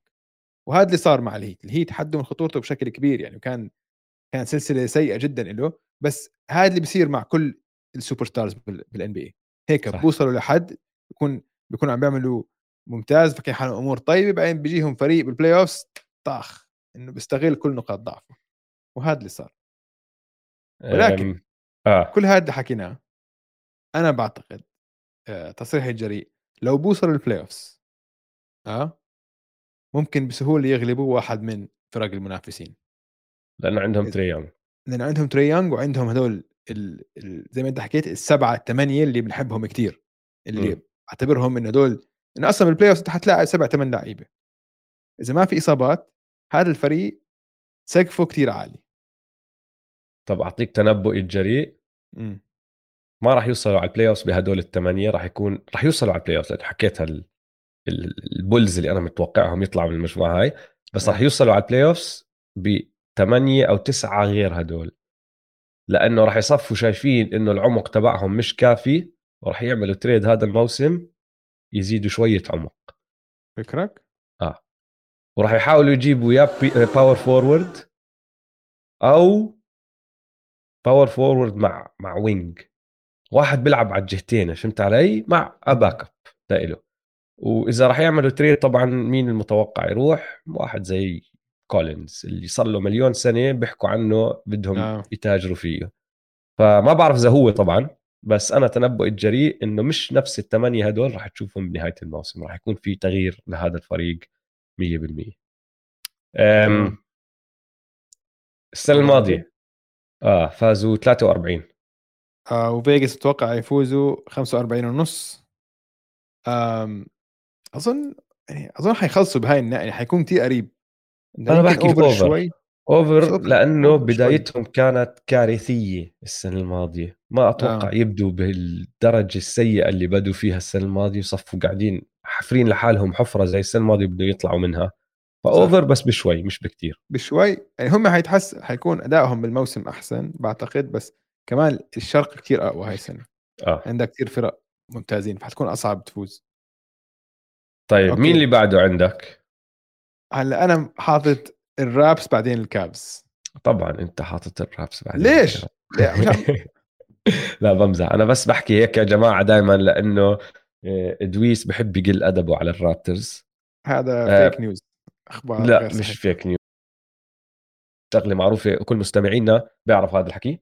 بس ما راح أناقشك إيه؟ كثير طيب خلينا لأنه خلينا آه ما راح أناقشك كثير لأنه الكابز فريق رائع بصراحة. فابدأ بمين ما بدك. لا بحكي عن الرابس عشان هم أضعف. اسمع. لا لا. شوف بصراحة كل احتراماتي للرابترز. فريق محترم. منظومة محترمة بقيادة مساي أوجيري. يعني هذا جد المساي زلمه بيشتغل صح المنظومة كلها بتشتغل صح. جد عندكم في لكم هوية في لهم هوية في لهم إيمان بفريقهم. خلاص عندهم عندهم فلسفة وعندهم طريقة إنه مش هيك عشوائيين وبخبصوا. لا. مثلا أوجيري بيقول لك إنه هل نحن هلأ منافسين؟ لا. لسه. بس نحن على الطريق نكون منافسين والأهم من هيك نحن نتحسن وناخذ كمان قفزة هاي السنة. أنا بحب هاي العقليه بصراحة. عشان وكثير بحب إنه ما تخلى عن سكوتي بارنز لكيفن دوران سكوتي! هاي كانت يعني أوف إنه هاي اسمع هاي حركة كتير جريئة كتير جريئة. هو إنسان جريء بس. آه هو إنسان جريء. 100% فين وحركة بتكون شنطة سكوتي إبرة آه، ثقة بالنفس. شو؟ بالضبط. آه آه. تخيل. فلا كل احتراماتي لل Raptors جد. هلا وين وين الأسئلة اللي عندي؟ أنا راح أعطيك السلبيات عند ال Raptors ماشي؟ م. أول إشي اللي هو أنت حكيت فلسفة مساي أوجيري. ممكن تزبط؟ لأنه شوف استنى استنى بنرجع خطوة لورا بس ما حكينا مين إجاهم ومين ما إجاهم لأنه مش كتير. إجاهم أوتو بورتر وإجاهم بو كروز طيب فقط. بو كروز بو كروز مش نجم MVP أوروبا. آه سوبر ستار في فيلم رائع على Netflix. طيب فإجاهم هدول الاثنين ما خسروا حدا بس ترى ما راح من عندهم أي حدا مهم ماشي؟ آه. فخطة مساي اللي هي اللي كنا كتير نضحك عليها السنة الماضية اللي بده كل لاعب على الملعب يكون طوله بين ال 6 7 وال 6 9 هذا نفسه. هاي الخطة. راح تزبط ولا لا؟ لأنه هو مراهنته على التطور والتحسن إنه راح يكون في تطور وتحسن داخلي. إنه من اللعيبه اللي عنده ما عم بيجيب لهم حدا من برا. فهو يعني عم بيقول لك إنه باسكال راح يظبط الثلاثيات تبعته. باسكال ضرب لك مخ اليوم ولا امبارح باليوم الإعلامي. سألوه شو هدفك قال لهم بدي أصير top five بالدوري. حتى حلو. أنا قعدت هناك طلعت قلت يعني باسكال بحب الثقة بموت فيها بس صعبة جدا هاي. كثير صعبة. منيحه الثقة منيحه بس خليها الثقة. خليها. باسكال بده إياه يظبط ثلاثياته. بده OG ال handling والتهديف تبعه يتظبط. بده سكوتي ياخذ قفزة بكل شيء يعني بده كل هالأمور هاي. بس اللي ما سواه مساي إنه ما أخذ النقاط الضعف اللي كانوا عند ال Raptors السنة الماضية وظبطهم بأي طريقة. فهمت علي؟ فيعني بعدهم راح يعانوا بال scoring بال half court هم على ال fast breaks مع ال deflections والدنيا كانوا رائعين. لما وصلوا ال playoffs صاروا يلاحظوا إنه والله صعب نصنع لعب نحن بال half court هاي المشكلة ما انحلت. ال rebounding ما انحل. backup point guard ما عندهم. عم بيحكوا يا مالكاي راح يلعب فلين اللي ما حدا عنده ثقة فيه أو ليش ما عندك ما عندك ثقة بمالكاي فلين؟ مش كتير لا. لا ما عندي مش مش كتير ما عندي. شايفه صار لي سنتين ثلاثة ما عمري شفت منه إشي بورجيني إنه راح يكون باستمرارية بيقدر يعطيني إشي. ببدع بال pro-ams بدخل على ال preseason بعدين خلاص بخبص. سكوتي ال backup point guard راح يلعبه. آه علي وأنا عندي ثقة إنه سكوتي بيقدر يسويها بس guard. حاليا هلأ ما بعرف. فهمت علي؟ سكوتي Swiss army knife Swiss army knife يا زلمه سكوتي السنة الماضية بصير أعطيك إحصائية جنونية. آه. سكوتي معدلاته السنة الماضية كانت 15.3 بالنقاط 7.5 بال rebounding 3.5 بال assist. نسبة استخدامه دويس كانت 19% ولا شيء. يعني في أربع لعيبة فقط بالدوري كله معدل النقاط تبعهم كان أعلى من سكوتي بس بنسبة استخدام قده أو أوطى. اليوم هاريسون بارنز جاريت آلن رودي جوبير وتايريز هاليبرتون.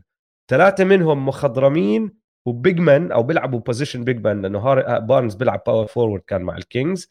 بس بيعرفوا يسجلوا حوالين ال rim. ثلاث أرباع تسجيلهم lobs وباسات pick and rolls وبحطوها حط. وتايريس اللي اللي نجم. فهمت علي؟ ف يعني معنى آخر اللي سواه بارنز السنة الماضية كتير بالنسبة للفرص اللي انعطت له. فهمت علي؟ فبحكي لك أنا خايف على هاي الشغلة لأنه لسه ناقصهم ما ما حلوا هاي المشاكل. بس بس بس سؤالي لإلك. ما بذكرك هذا الفريق بال Raptors بال 2018 شوي؟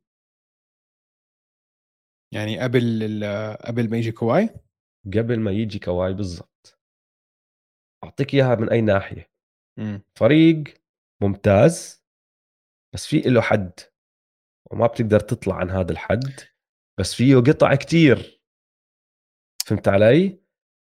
إذا صارت الفرصة إذا صارت الفرصة مصاي راح يمسك باكج صغير ويجيب لك نجم يحطه مع الفريق. ممكن بس الاختلاف أكبر اختلاف إنه أنت هلأ أكبر نجم عندك عمره 20 سنة. ولسه عندك ال time آه line تبعك بطل عندك. أنت بطلت هلأ على timeline إنه لازم أفوز من هالسنتين.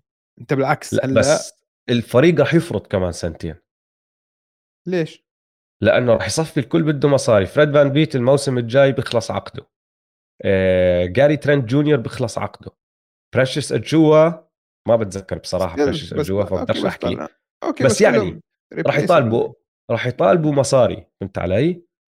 yeah. يعني ما عم ما ما, ما عليه ضغط 100% لازم نفوز اليوم آه. بس كمان مساي إنسان جريء ممكن يعملها هاي الحركة ما بتعرف طيب اسمع أنا عندي سؤال حكينا آه. عن سكوتي آه. آه. كلنا بنعرف إنه نجم وممتاز يعني ممكن يلعب كل شيء سؤالي وبنعرف عن سياكم. سياكم يعني أنا وياك حطيناه مركز 25 على الدوري كان اول NBA السنة الماضية حيكون نفس المستوى وهلا متحمس يكون top five حلو.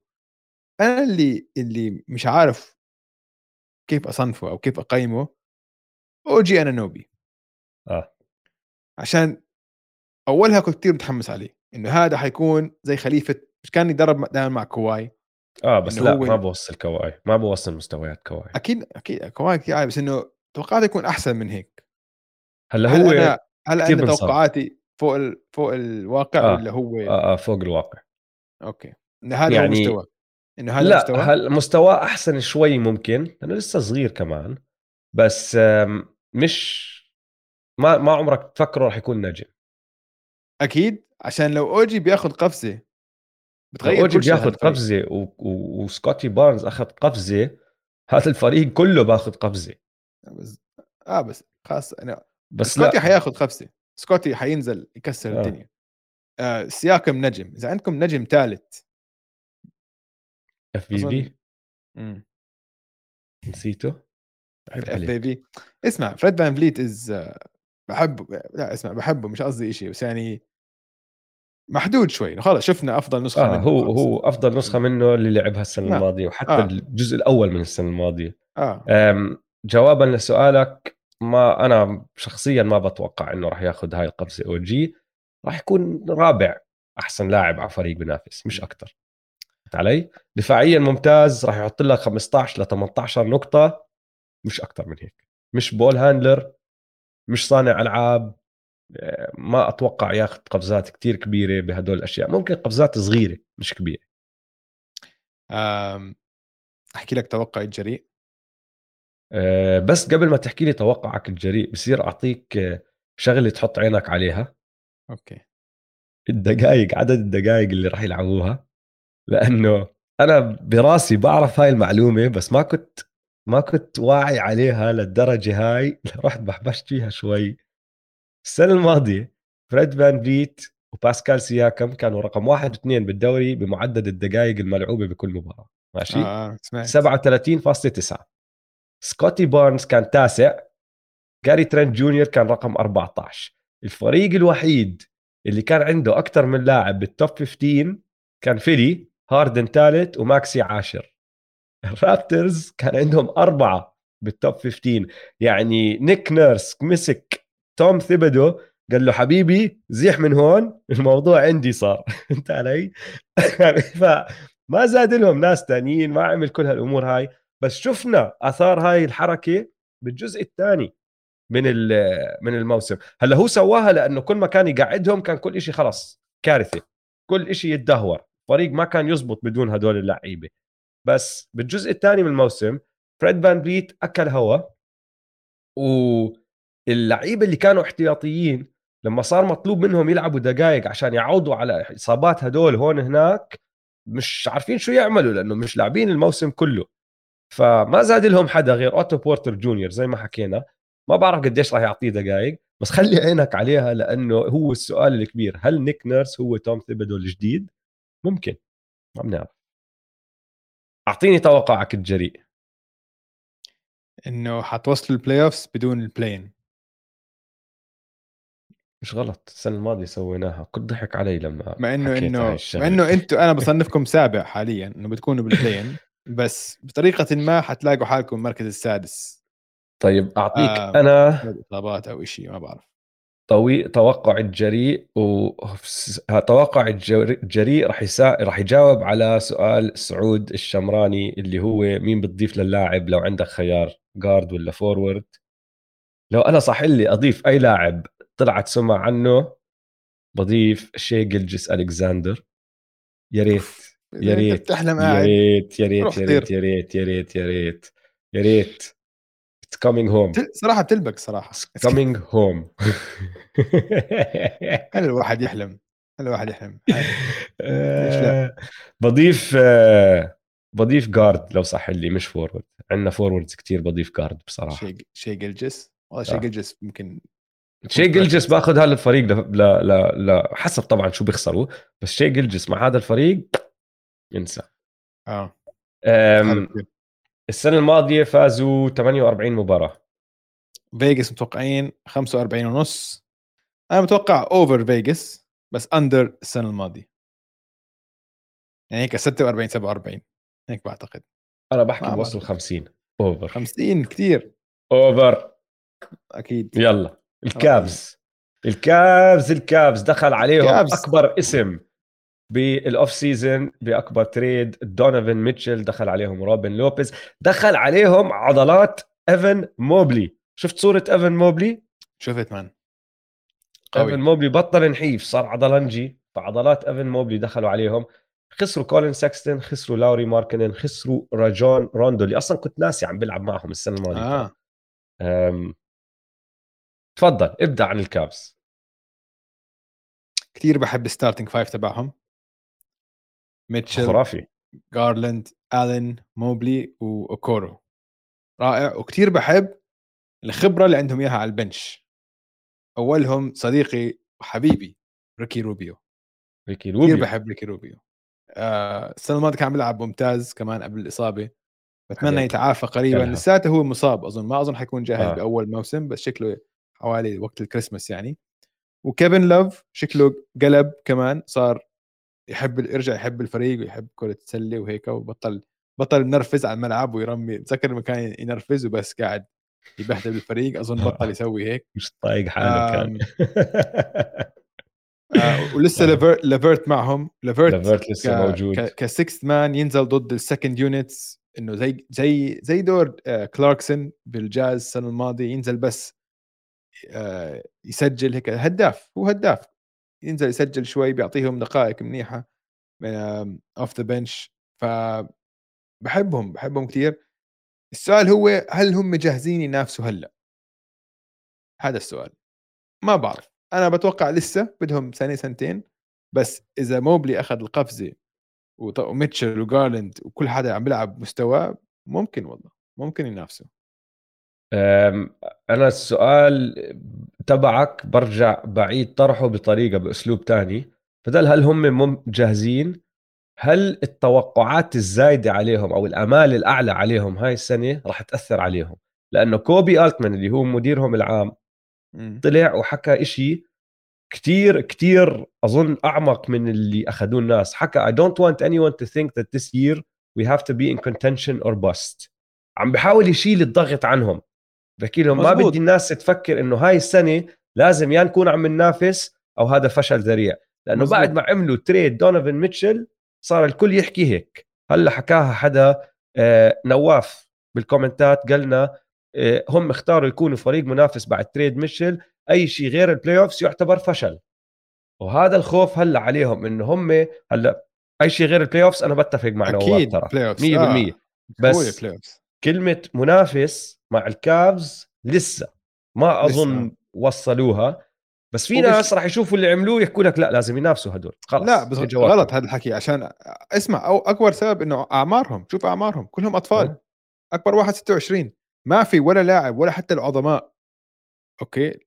كانوا لما كانوا وصلوا سن 26 كانوا بلشوا ينافسوا. لا مايكل جوردن ولا ليبرون ولا ليبرون وصل ال finals إذا سمحت. آه ليبرون لوكا حطهم على جنب هاي السنة بس إنه ايمتى بلش ينافسوا مزبوط لما يعني بعد ال 25 باين كل حد تاني أصغر لسه.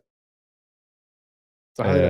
آه إنه لسه ال- الأعمار الشباب 20 21 آه. 23 لسه صغار. فلا بس راح يكون وخاصة- فريق عم بتعلم مع بعض. آه وخاصة لو إنه نحن مين الفرق اللي قدامهم؟ ضل عندنا خمس فرق قدامهم. آه.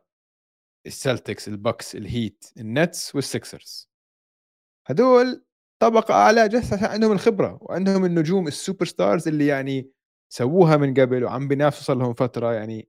فهذا هو السبب الوحيد هم بس طبقة صغيرة تحت هدول آه، الفرق الثانية أم، في شغلة بس صغيرة كمان أنا بدي آه، أحط عيني عليها. ال guard depth تبعهم العمق بمراكز ال perimeter كتير حلو. لأنه غير الأسامي اللي ذكرتها أنت جارلند ميتشل روبيو ليفرت عندهم راؤول نيتو البرازيلي. فأنا بتوقع ليفرت حتى يلعب small forward كتير لأنه بدهم يعطوه دقائق فهمت علي؟ واللي عم بيلعب small forward اللي هو أوكورو. أوكورو رائع بالدفاع وبحط ثلاثيات ليفرت بدخل بكركب شوي بيعرف يهاجم بطريقة تانية بيساعدهم بهذا الإشي. بس كمان اللي حاطط عيني عليه أظن راح يصفي راح يصفوا لاعبين جارلند ميتشل وروبيو بطريقة كتير حلوة مع بعض. روبيو وميتشل أصلا لعبوا مع بعض أيام الجاز بيعرفوا مم. بعض. وجارلند آه اللي. هو نجمهم هلأ الأول جوابا على سؤال سعود نجمهم الأول 100% داريوس جارلند ال backup تبعه آه. 100% حاليا نجم الأول بهذا الفريق داريوس جارلند لسه ما أخذ اللقب آه، إيفن موبلي لسه. آه دونيفن ميتشل ولا حتى عم تعتبره. دونيفن ميتشل داخل على فريق جارلند والله إنه قوي. دونيفن ميتشل داخل على فريق جارلند ما بتعتقد إنه دونيفن ميتشل حياخذ زمام الأمور؟ يقول إنه بس هذا الحلو. أوكي أكمل نقطتي. وين الحلاوة؟ جارلند بين هدول الثلاثة الوحيد اللي بيقدر يلعب الدورين الهداف وصانع الألعاب. آه. روبيو صانع ألعاب صح؟ صح. مش هداف ما عمره كان هداف بيعرفش يسدد أصلا. صح. وميتشل مع. إنه بعطي باسات هون وهناك بس ميتشل هداف, هداف هداف. بالضبط. فالثلاثي هذا كتير حلو راح يركبوا على بعض بطريقة حلوة لأنه راح يبدوا الأساسيين جارلند وميتشل راح يصفي جارلند عم بيلعب دور صانع الألعاب خذ الطابة يا ميتشل سدد. مم. بعدين راح يطلع واحد فيهم. مين ما يكون؟ خلينا نحكي طلع جارلند راح يدخل روبيو كمل صناعة اللعب كمل ميتشل بعدين راح يطلع ميتشل برجع بدخل جارلند صفي جارلند عم بيلعب مع روبيو روبيو عم بيصنع اللعب وجارلند هون ال- ال- اللي راح يطلبوه منه سجل. فهمت آه. علي؟ فجارلند هو ال- ال- ال chameleon هو اللي بشبك الثلاثه مع بعض و... وأنا متوقع منه موسم رائع ترى رائع. مم. أتفق. يعني أنا جارلاند اللي ورجاني إياه السنة الماضية كان شيء رائع الصراحة. عندك آه، تصريح جريء؟ أظن حكيته. النجم الأول النجم جارلند الأول؟ بعطيك تصريح تاني. قول لي. إيفن موبلي راح يربح defense player of the year مستحيل هيك كتبت أنت. أنا هيك كتبت. بالله عليك. طلع. آه أنا هيك ما حكيت حيربح. قلت قلت يعني defensive player of the year talk بعدين ال- الضرب إنه التصريح الجريء إنه حيكون first team all defense آه. مش defensive player of the year ما بيعطوه اياه بس بس إنه آه إنه حيكون ليش واحد ما يعطوه. إياها؟ ليش ما يعطوه إياها؟ لا صعبه man. ليش ما يعطوه إياها؟ كثير صغير. عادي. كثير صغير. حتى لو كان ممتاز حتى لو كان رائع. رائع. أنا كثير بحبه. أم... over under السنة الماضية 44 فوز. آه over over حتى فيجاس بتقول آه 47 ونص هاي السنة. أنا بتوقع over أنا معك over طيب يلا ناخذ time out time out نحكي بالمنافسين. يلا. يلا.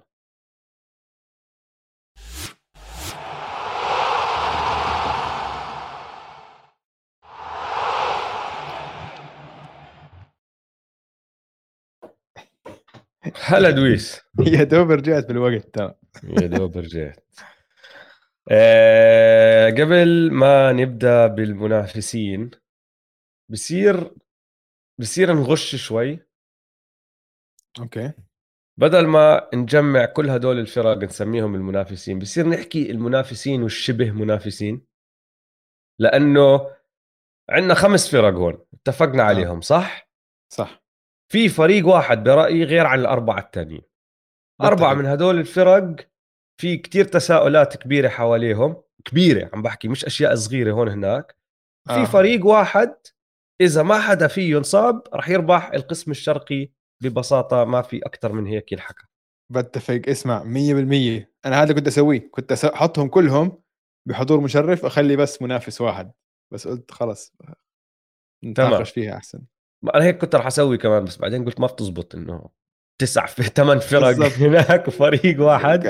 فأنا قسمتها المنافسين وشبه منافسين لأنه بصراحة في احتمالية كبيرة إنه أي واحد من هدول الفرق يفوز الشرق يوصل على النهائيات. بس حسب شو بصير بالتساؤلات اللي عندنا. طبعا آه. آه رح نبدأ بالأربعة إذا هيك بعدين بنكمل على الأخير. أظن الكل بيعرف شو هو بس هيك هيك. رح نبدأ بالفريق اللي يا أخي جزء كبير مني عم بحطه بالفئة اللي تحت بس بعدين الجزء الثاني بتطلع على الفريق على الورق وبيحكي مستحيل بشوف النجوم والأسماء وكل هالأمور بيحكي كيف أحطه بالجزء اللي تحت؟ ما بقدر. فأنا في صراع داخلي في وين هذا الفريق مفروض يروح اللي هو طبعا البروكلين نتس. البروكلين نتس يا سيدي العزيز إجاهم تي جي وارن وإجاهم ماركيف موريس. راح من عنده بليك جريفن جوران دراجيتش وأندري دراموند من ناحية أسماء بارزه لا واجاهم كيدي وكايري. طيب ماشي. وبن سيمنز وبن سيمنز بن سيمنز. ماشي تمام حلو. اجاهم ثلاث نجوم زيدهم. فريق كامل فريق كامل جديد. ماشي حلو. طيب في واحد على تويتر غرد شغله باليوم الإعلامي تبع آه، النتس واحد من الصحفيين اللي بيشتغلوا مع النتس ماشي؟ وبقول لك اليوم الإعلامي تبع النتس كان زي ما اثنين أهل قرروا يتطلقوا لأنه بيطيقوش بعض بس بعدين قبل ما يصير الطلاق رسمي يقولوا لك لا راح نضل مع بعض عشان الأولاد ما يتأثروا بس كل إشي بضل وهو حطها هيك awkward all around. الموضوع اليوم الإعلامي كله awkwardness ب awkwardness ما حدا عارف كيف يتعامل مع الثاني فبقول لك كثير كثير في مشكلة بس بعدين تطلع على الورق. عندهم كي دي عندهم كايري عندهم بن سيمنز عندهم سيث عندهم نيك كلاكستن عندهم آه، مليون ألف عندهم تي جي وارن عندهم يا زلمة على الورق على الورق. كل شيء بتحتاجه لفريق يفوز بطولة موجود عندهم. فالسؤال الكبير تبعهم هل هو راح يمسكوا الدراما اللي صارت اللي صار لها مليون سنة عم بتصير معهم وينسوا عنها وبس يلعبوا؟ والجواب ما أظن. يعني ما أظن. يا زلمة ما أظن. وهي اسمع سعود شمران يذكرك نسيت جو هاريس كمان. جو هاريس. جو هاريس عندهم كثير كثير كثير اسمع شو أظن اسمه؟ أظن وسخت لدرجه كام آه، قول معي. كام تومسون؟ كام توماس؟ كام توماس؟ كام كام توماس؟ آه. نيك كلاكستن هو بصراحة لو بدك تطلع على الورق النقطة الضعف الوحيده اللي موجودة شوي على الورق اللي هي ال big man. إذا نيك كلاكستن راح أو نيك كلاكستن ما عم بيلعب باستمرارية اللي وراه واحد اسمه ديرون شارب. آه اسمع إنه بعديها بصفي ماركيف موريس عم بيلعب ال five أو دورانت عم بيلعب ال five. فهاي هي نقطة الضعف الوحيدة اللي موجودة على الورق. آه بس إنه الدراما. إنه يانس لو لعب ضدهم بال playoff بيكون معدله 60 نقطة المباراة. 60 6 0 هيك بصير. بصير بصير أرقام ويل تشامبرلين يعني. فهمت علي؟ اسمع أنا تنبؤك الجريء عن النتس عن لاعب ما عم بيلعب مع النتس أصلا. لا يعني يعني عندي تنبؤ جريء عن النتس هذا حلو حلو تنبؤي تنبؤي عن النتس خلينا نبدأ فيه. أنا بعط أنا بتنبأ انهيار كامل انهيار. أظن اسمع وسخت الدرجه وسخت الأمور لدرجه إنه ما في ما في ما في خط الرجعة. أول ما يصير أي شيء حينهار يعني هذا بيقول لك زي ال house of cards ولا شيء man. إنه ما في ما في أساسات. لا في قائد لا في روح فريق لا في ولا شيء. وكل حدا إنه خلينا نتذكر إنه كايري كيدي كان بده يطلع ومش عاجبه الفريق. وكايري كمان معصب عشان ما أعطوه ال contract اللي هو بده إياه وكل الحكي هذا وكيدي طلب مدرب جديد وكذا. جو تساي قال له فيش. ما ما قعدوا زي ما بحكي كيدي إنه قعدوا وهم اتفقوا على الموضوع لا قال له فيش. مش رايح أنت ولا محل. أنت قاعد هون ومدرب حيضل هون وشون ماركس حيضل هون. وخاوة. وهذا اللي صار. هذا اللي صار. ما إنه ما صار في اتفاق. بس حاول يلعب بس ما كان عنده أي leverage ما كان عنده أي ما في أنت وقعت العقد أربع سنين. ما عندك أي leverage المره بال negotiations بالمفاوضات. خلص وجو تساي قال لك تعرف أنا بورجيك. خليك قاعد. بصير أعطيك تنبؤ جريء جدا بما إنه اليوم شكله أيام ضربات المخ. آه. راح نشوف أفضل سنة لكايري من 2017 اسمع أظن أظن آه ممكن. أحكي لك ليش.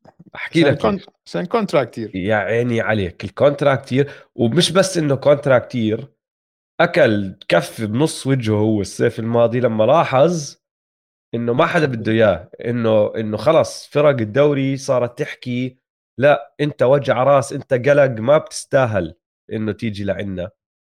فشاف هذا الحكي فهاي السنة راح تشوف عودة قوية جدا على الملعب من كايري ايرفينج راح يبدع فيها. ويا زلمة بن سيمنز مع كيفن دورانت مع كايري كتير لابقين على بعض. كتير لابقين على بعض. بن سيمنز دفاعيا أحسن واحد فيهم كلهم أحسن لاعب دفاعي على الفريق هو ماشي؟ صانع ألعاب ممتاز. yeah. كايري بدوش يصنع لعب. كايري بده يسدد ويسجل. فهمت علي؟ دورانت هداف. سيمنز مع هدول التنين بيركبوا.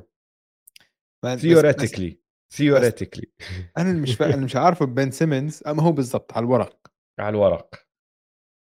أنا مش عارف أي بن س... أي بن سيمنز حيلعب ما هي؟ سؤال سؤال ما له جواب لنشوف اللي عم جد إنه مين هو بن تضلك دائما هيك خفان هو إنه مين هو بن سيمنز؟ مين هو كلاعب؟ جد. وأنا باعتقادي اللي صار آخر سنتين كثير صعب يرجع منه. يعني ما بقى إنه مش متخيل ما بظن عنده الصلابة الذهنية يرجع يصير نجم. ما بعتقد عشان بعتقد إنه هو حط حاله بموقف سيء لدرجة. ما بيحتاج بس. هو عنده إيجو وكبرياء. ما بيحتاج آه، ما عم بحكي ما ما عم بحكي يصير. لا بحتاج إنه بدك ترفع مستوى بدك ترفعهم ل contenders بدك بن سيمنز النجم. بن سيمنز All-NBA defense بدك بن سيمنز آه All-NBA defense بس ما بدك all-star ما مش ضروري maker playmaker كيف؟ مش ضروري all-star لأنه أنت عندك كايري و KD بس أنا باعتقادي فاهم شو قصدي؟ يعني. إذا بن سيمنز سؤال. افتراضي. آه. خلينا نفترض السنة الجاي بن سيمنز كان معدل 12 نقطة بالمباراة مع 10 assist وخمسة rebounds مع اثنين steals بقود بتصدر بال NBA بال steal زي السنة الماضية و All-NBA defense بتحتاج أكثر من هيك معه؟ في الموسم لا. في ال playoffs آه. لازم اسمع. ما بصير ما بصير ما بيعرفش يسدد. ما, ما بصير مش مش عادي مش عادي الوضع. مش إنه غير هذا هذا شيء غير طبيعي. وما بصير قد أنت تصير تخاف من التسديد. ويصير عندك هاي ال mental block إنه خلاص ذهنيا أنت بتسكر معك الدنيا. الخوف هذا هو هو خويف. هو هو خويف. هاي شغلة ما بعرف إذا بيقدر الواحد آه، يزرعها. هو كل حياته كانت الحياة سهلة. كان عنده إمكانيات خارقة عنده لياقة خارقة. عنده. فلما كان بال high school بالجامعة كان بس يركض وكذا هذا. هلأ أنت وصلت على ال NBA في ناس عندهم القوة الجسمانية اللي يتحدوك. فأنت لازم تصير تشتغل وتطور على مهاراتك. أظن هو ما عنده هاي ال... ال... تعرف ما بعرف ما عندوش ال الدي زي ار الدي زي ار آه زلومية انسى زلومية صفر. آه بس ما ما عنده الصلابه الذهنيه إنه يعود من اللي صار عشان كمان هو اللي اللي خلى الوضع أسوأ عليه. خلال آخر سنة ونص من وقت ال game 7 ضد اتلانتا إنه أول شيء كبرياء الإيجو تبعه قد ما هو كبير وما ما بده يتدرب. ما بده يتدرب على تسديد. جكاره بالناس أو ما بعرف لأي لأي سبب أو ما بده يطول مهارة أو يبين إنه هو مش كول عشان هو بيعرفش يسدد. ما بعرف إشي غريب يعني إشي ذهنيا غلط. إنه أنت ما عم بتحاول تسدد عشان ما تبين إنك تعرفش تسدد بس بدك إنه في إشي غريب بالموضوع في إشي مكسور. بعدين لما ما لعب لسنة وصار يتحجج بال إنه عنده مشاكل نفسية هاي كتير عاطلة. أنا بالنسبة لي هاي خط هاي علم أحمر إنه أنت رجل لا يثق فيك. فهمت علي؟ لما حد يصير يتحجج بهيك شغلات أنت عندك مشاكل نفسية شو أنا هلا سيكولوجيا هلا مش عم بحكي أنا هذا رأيي هذا رأيي أنا بالحياة لما هيك لما إنه شيء كتير غلط الموضوع فأنا بعتقد ذهنيا مكسور فهمت علي؟ هلا ال season يمكن لعب منيح بس بال playoffs ما عندي أي ثقة فيه ابدا ابدا يعني هلا ما راح أختلف معك من ناحية الثقة ما في ثقة هلا يورجونا إشي بس ما بعرف فريق صعب فريق صعب الواحد يقيمه آه. إيش السنة الماضية كان ال over under under استنى استنى اسمع استنى. under ما بعرف شو هو. 44 كانوا. آه. السنة الماضية ما أرب... تحت ال 44 كثير قليل يا دويس لهذا الفريق. خلينا أشوف علي؟ شو ال... ما جاي أحكي لك إياها بطريقة تانية okay؟ راح أعطيك نقطتين. واحدة اللي هي طلعت على جدولهم. وجدولهم بدايتهم من أول 25 مباراة 14 من اللي راح يكونوا بالفئتين آه، العاليات تبعتنا أنا وياك. يعني 14 فريق من ال 25 راح أو 14 مباراة من أول 25 مباراة راح يلعبوها فرق ضد فرق موجودة بفئات الحضور المشرف والمنافسين بالغرب وبالشرق. 16 إذا بدك تزيد ال Blazers لأنه ال Blazers نحن ما اتفقنا عليها. ف 16 من 25 مباراة مش سهلة. وهاي البداية راح تحدد مصيرهم لنهاية الموسم أظن. لأنه إذا استصعبوها وقتها الضغط على ناش. كل العيون أصلا عليهم من أولها. مسكين هم السيرك تبع ال NBA فهمت علي؟ فصفي الضغط على ناش الضغط على جوزيف تساي الضغط على كايري الضغط على بن سيمنز الضغط على كيفن دورانت على كل حدا. صفي مشكلة. بس بس بس. الإشي الثاني كمان اللي بدنا نحكي فيه. ال over under تبع الانتصارات قديش معطينهم فيغاس 50 ونص. 50 ونص ماشي. 50 ونص رقم حلو. 50 خلينا نحكي. فكرك هذا الثلاثي بيلعب 50 مباراة مع بعض؟ أكيد لا. ما بوصلوا ال 50 صح؟ هاي المشكلة طيب. إذا ما وصلوا هدول الثلاثة 50 مباراة كيف بدك تنافس؟ تصفي واحد مصاب واحد عم باخذ إجازات واحد زعلان. كثير في حكي حواليهم. هلأ خلينا نعطي بس وجهة نظر ثانية. يمكن نحن صرنا ختايرة وصرنا بطلنا متفائلين بالخير بالناس قلت لك أحلى موسم لكايري أنا متفائل. أنا عم بحاول آه. أتفائل للنتس. بالعكس أنا بدي إياهم يوصلوا ال play ويلعبوا منيح عشان الدراما. مني وعلي راح أشجعهم. أوكي الواحد بيقول لك كون optimistic people can change الناس آه. ممكن آه. تتغير. آه. ممكن تتغير. ممكن ماشي. كل هدول الجماعة ممكن KD يتغير. يصير قائد يبطل ما راح يتغير KD. KD مش ضروري يتغير كثير ترى. ممكن كان يتغير. ممكن بن سيمونز يقلب ويتغير بدك هدلاك التنين يتغيروا. KD يضلك زي ما هو بس إنه هدلاك يعقلوا شوي خلص الوضع تمام. آه إنه بن سيمونز يصير رجل مين قائد الفريق؟ مش عارف ما في حاليا. ما في. ف... قائد الفريق ما في. باتي ميلز؟ في احتمالية ضئيلة باتي ميلز؟ باتي ميلز؟ آه مسكين جديد على رويس أونيل؟ هلا ممكن يكون باتي ميلز قائد الفريق حاليا ماركيف موريس. تخيل. أكلتها. فت بالحيط أنت. ف... ففي احتمال إنه كل هدول اللعيبة يغيروا طبيعه طبيعتهم.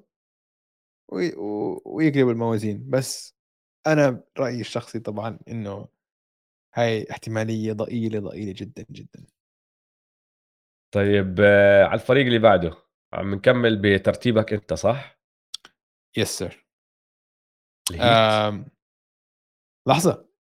السكسرز مين؟ أنا أنا حاط أنا أوطى واحد عندي بالتقييم هذا هو السكسرز أها حلو. طب خلينا نحكي عن السكسرز إذا هيك. آه. بصير أبدأ ب ضربة مخ. تفضل. قبل ما نحكي مين دخل عليهم ومين طلع من عندهم لأنه إلها خص بهذا الإشي. مش ضربة مخ ترى تصريح آه، منطقي جدا برأيي. أوكي. من بين كل فرق القسم الشرقي الفريق الوحيد اللي ممكن بيطلع راس مع ال off season تبع السكسرز هو كليفلاند كان زيت بوسطن عليهم بس بعدين انصاب جاليناري وضربوا بالحيط مع يودوكا وكل هالأمور هاي. بس غير هيك ما في أي فريق بالقسم الشرقي زبط حاله وعمل حركات صح هذا الصيف مثل السكسرز دخل عليهم بي جي تاكر دي أنثوني ميلتون دانيال هاوس. ومونتريز. طلع من عندهم. ومونتريز. مونتريز. مونتريز طلع من عندهم داني جرين ودي أندري جوردن و100 باوند. من آه. عند جيمس هاردن 30 كيلو. هيك بيقولوا. آه، يا جيمس هاردن. اسمع بس سؤال سريع من آه، المتابعين. بيقول لك هل مصدقين مصدقين إنه هاردن نحف 100 باوند أكيد لا. محمد المعتقد أكيد لا هو عم بتخوت كمان هو عم بتخوت كمان. آه شو 100 نحف نحف نحف. مش كثير نحف مش كثير نحف منيح. بس مش آه. 100 باوند. شو 100 باوند يا أخي؟ مش زي زايون نحف مش زي زايون أكيد مش زي زايون. نحف يعني لا. آه. هلأ أنا عم بحكي إنه حركاتهم بالصيف أفضل حركات مش معناتها هم أفضل فريق ماشي؟ بس مم. ما في أي طريقة تطلع على هذا الفريق على الورق وتحكي ما تحسن. زادوا شوية toughness ماشي؟ مع بي جي ودي انتوني ميلتون ودفاع مع هدول. والثلاثه دانيال هاوس وبي جي ودي أنتوني ميلتون كلهم بيقدروا يسددوا ثلاثيات فهمت علي؟ فأنت هلا بس بهاي الحركة أعطيت دوك خيارات ما كان عنده إياها السنة الماضية وخصوصا شفناها بال playoff لما كانوا عم بيلعبوا بال playoff وهو مدخل جورج نيانج وماتيس تايبل ومش عم بيعملوا إشي واحد عم بخبص تسديد والثاني بدوش يسدد أصلا. هلا بيقدر يستعمل هدول حسب الحاجة. ال spacing أحسن. وطبعا ال spacing هذا الفراغات اللي المساحات اللي عم بيصنعوا لك إياها بال threat تبعهم راح تساعد كل حدا عم بيلعب على الجهة الثانية هاردن امبيد مين ما يكون بس ما عم بتنقص من الدفاع لما تدخلهم. ضل دفاعك موجود. وطبعا ال toughness بي جي لحاله يعني بدخل بشخصية. فهمت علي؟ آه. طبعاً. إنه خلص لما واحد. يتدلع راح ينشمط له هيبة يا عيني عليك راح ينشمط كف ما تتدلع العب زي الزلام نحن مش هون نتدلع نحن زلام. هلأ في مليون سؤال طبعا. آه، صحة امبيد شو راح يصير فيها؟ طلع من عملية هلأ شو راح يصير؟ هاردن شو دوره؟ أو راح شو يتقبل دوره؟ أي مس... لا شو أي مست- مستواه؟ شو بالضبط. أنا شوف هلأ اسمع أنا يعني أنا وياك معروفين إن إحنا ما عندنا ثقة بهاردن في أوقات الحسم ولكن هاردن قبل سنتين كان top 10 player بالعالم. من أفضل 10 لعيبة. كان على الهجوم سلاح نووي كان السنة. الماضية كان top 3 assist ولكن ولكن بعد ما انصاب بال hamstring قبل سنتين السنة الماضية كان بطيء. صار أبطأ بكثير وما اشتغل على حاله وأثرت كثير عليه على الجهة الهجومية. بطل بطل إنه okay معدل لسه ضل 23 نقطة بس.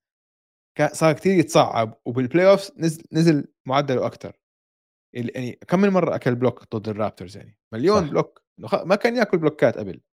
ف عشان هيك جزء منه العمر. 100 باوند جزء من العمر بس جزء منه إنه لسه ما أظن أنا كان متعافي من الإصابة. ففي احتمالية إنه هلأ جد تعافي من الإصابة وحيرجع يستعيد جزء من سرعته. خاصة ال first step تبعته كانت الخطوة الأولى كانت الخطوة الأولى سريعة فتاكة كانت. لو استعدنا شوي هل حيستعيد شوي؟ هذا هذا سؤال كبير بالنسبة لي لجيمس هاردن. طب بصير أعطيك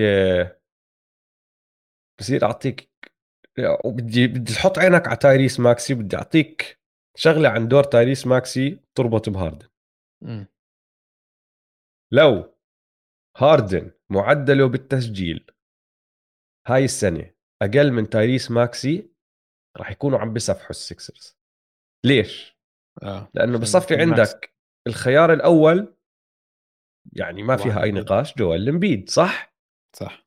هاردن لاعبك الثاني بس كصانع ألعاب ماكسي لاعبك الثالث بس لاعبك الثاني من ناحية التهديف. بصفي هاردن جد point guard عم بيلعب عم بوزع لعب عم بيسهل على الكل.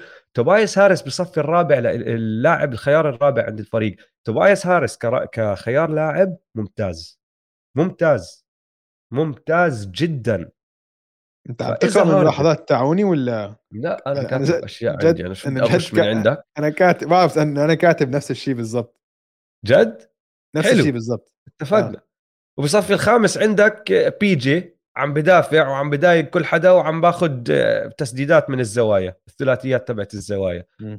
وإذا صار هذا الحكي هي تنبؤ الجريء لا مش حتى التنبؤ الجريء تنبؤ الجريء حتى لو ما صار هذا الحكي لأنه دخلوا بالموسم الاعتيادي مش بال playoff السكسرز راح ينهوا هذا الموسم كالأول على الفريق القسم الشرقي من ناحية أوه. سجل من أوه. ناحية أوه. سجل أوه. موسم أوه. اعتيادي مش playoff regular season راح يكونوا. هم المصنف الأول wow. Okay. أم... مشكلة عندي عندي أسئلة كثير فهمت علي؟ ممكن. اني عندهم سقف عالي بس عندهم كمان آه. إنه ممكن ممكن تخبص الأمور بسرعة. بس شوف حركاتهم بالموسم بالصيف ممتازة كانت.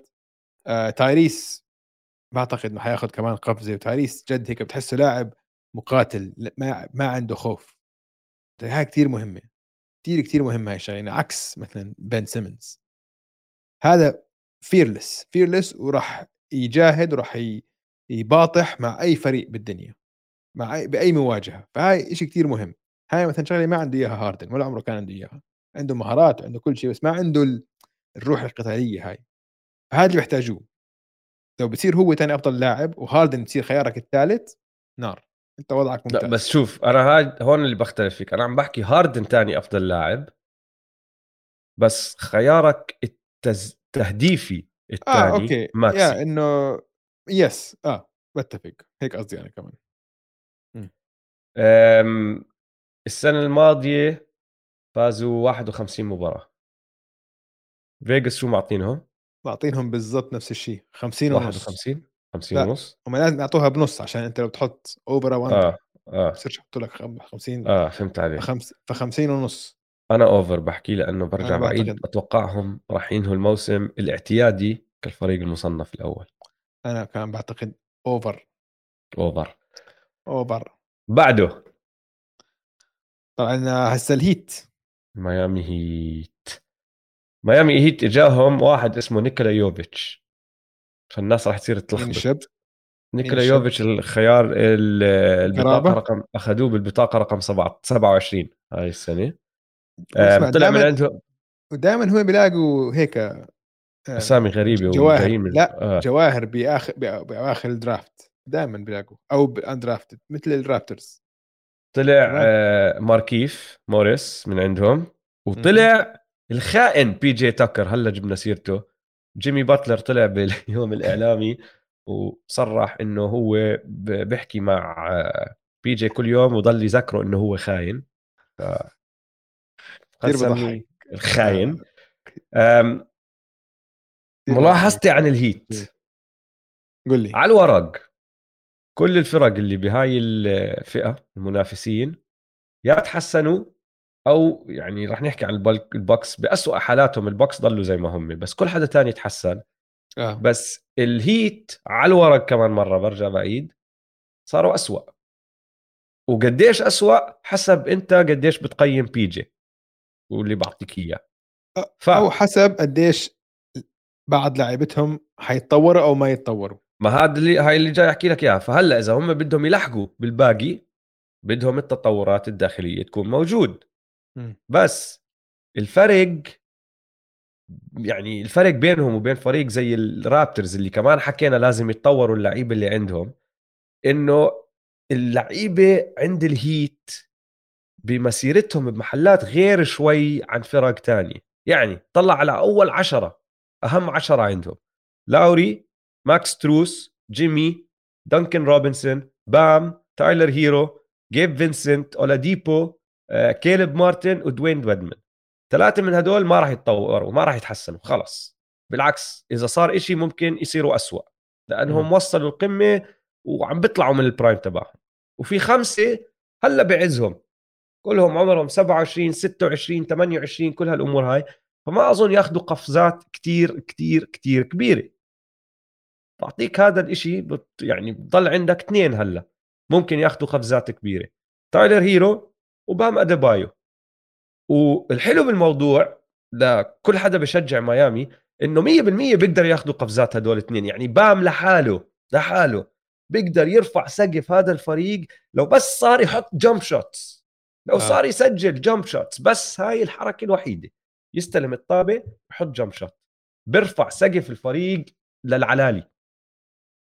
صحيح. تايلر هيرو بيقدر يطور حاله على ال defense بيقدر يصير صانع ألعاب أحسن. أي شيء بيقدر يزيده على ال game تبعه راح يساعدهم. فميامي بزيد اسمع بزيدك كمان. لاعب مين؟ هاي ال هاي ال هاي الفئه أولاديبو. مش إنه يتحسن إنه يسترجع بس راح يسترجع يسترجع صار عمره 30 سنة. آه بس لساته ما مش ولا حتى قرب على المستوى اللي إحنا شفناه من ما هذا هو السؤال. هل راح يرجع؟ ما, ما هي ممكن. صار له ثلاث سنين عم نحكي بيرجع بيرجع بيرجع ما, عمره بيرجع. كان مصاب. لا السنة الماضية ما كان. بس أول سنة ما كان بالضبط. أول سنة بيعود من إصابة اللي حرمته سنتين أو ثلاثة من قد صعد ما يلعب هو؟ سنتين أو ثلاثة صح؟ آخر مرة بالبابل حتى ما لعب. البابل ما لعب لعب اللي بعدها. آه. السنة اللي بعدها ف... ولعب السنة آه. الماضية. ف 19 ما لعب بعدها. ما لعب, لعب اللي بعد 19 20 آخر سنتين لعبهم يا دويس. لا ما نشوف فيكتور اولاديبو يزيد العزيز. السنة الماضية لعب ما لعب كتير السنة الماضية. آه شو عم لك ضل ينصاب من. اللي قبلها لعب 20 مباراة. ولا اللي قبلها لعب 33 مباراة اللي هي سنة التريد. بال 2020 21 وبعدين السنة الماضية لعب بس 8 آه. فأنا إذا هيك متخيل براسي أنا غلطان اعتذاراتي يا جماعة. آه فطلع. آه لحظة شوي لا. لا لا لا أنت عم طلع. نفس الموسم هدول كلهم أوجي. 29 و هم الباسكتبول ريفرنس تبعه كتير ملخبط. ما بعرف ليش. أنا عم بطلع على 2021 في عندهم أربعة لأنه إنديانا هيوستن ميامي وميامي. بالضبط. لا لعب له 33 و9 آه. لا لعب منيح إذا هيك السنة الماضية. ماث مان عم بسمعنا فبلاش ما نخبص. توتل هيو. اسمع. لا هيو هيو. التوتل 33 33 33 آه واللي قبليها بس 19 فيعني صار له فترة وقبليها 36 فصار له مش لاعب موسم كامل من 2018 يعني في تشانس لو بعد سنتين لعب ورا بعض يرجع يستعيد شوي من آه لياقته من مستوى مستوى آه. آه السؤال اللي عندي الكبير هو الجروت الجروت هل انتهى ولا في ضل في بن... ضل في ضل في بنزين في في السيارة ولا فيش؟ ولا ولا قرق خلص كشنا قديش بحبه أنا الجروت يا دويس؟ كثير بس خلاص انتهى يعني؟ إيه حكيت لك تذكر شو حكيت لك لما وقع عقده مع الهيت؟ آه قلت لي سنين كبير يعني. آه إنه too much قلت لك خوفي إنه أفضل أيامه هلأ أكيد. هو اسمع بس هو أنت ما بتحتاج أفضل أيامه.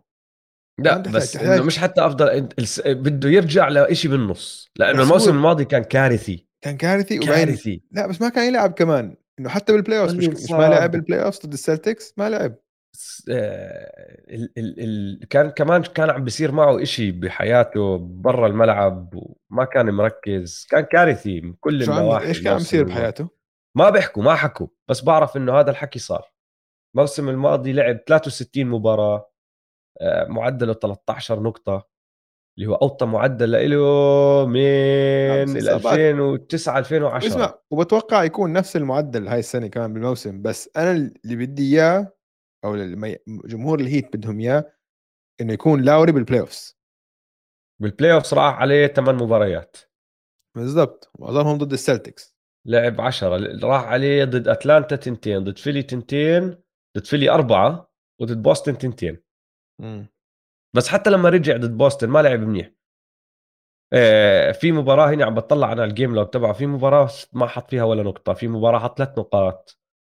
في مباراة 11 مباراة 18 مصاب. مباراة 15 بالضبط فكان مصاب كثير كارثي كان الموسم. فضحنا فضحنا فضحنا. جيمي بعده جيمي ف يعني بتوقعهم يكونوا أنا بتوقع إنه بيوصلوا لنهائيات القسم الشرقي. آه، السنة الماضية فازوا 53 مباراة كانوا الأول بالقسم الشرقي. قديش فيجاس معطينهم؟ فيجاس معطيهم أوطى 48 ونص. فأنا بتوقع over over بشوي بس under السنة الماضية. أنا بتوقع under شوي بس مش بكتير يعني 47 شيء هيك 48 بس آه لأنه كتير راح يريحوا. يا yeah. فهمت علي؟ يعني أنا بتوقع واحد واحد من الفرق اللي راح يستعملوا ال load management كتير هاي السنة الهيت mm. وهيك yeah. هيك لما يدخلوا على ال play راح يخافوا هيك عملوا السنة الماضية كمان. آه 100%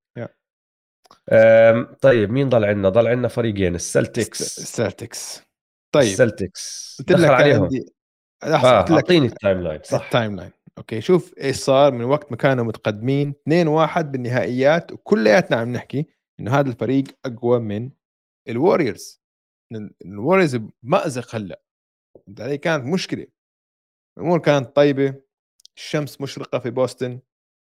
خلص حيجيبوا آه، بطولة أنا عم بتهور بقول يمكن هذول مقارنهم بثنائي wings ات كمان بيلعبوا two ways آه يعني بلشت آه بلشنا تهورات يعني إنه تهور تهور كان هذا بعدين بيخسروا ثلاث مباريات ورا بعض.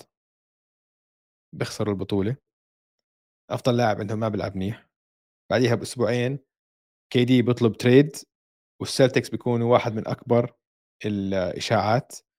جيلن. براون جيلن براون بزعل وبيطلع بغرد بقول لك shake my head okay؟ بعدين بيعملوا trade لبروغدن ودانيلو جاليناري دانيلو بعديها بأسبوع أو بعديها بشهر تروح ال ACL تبعه فهي طلع man out for the season داني إينج اللي هو تركهم وراح على الجاز بيستقطب ال lead assistant coach تبعهم وبياخذوا على الج...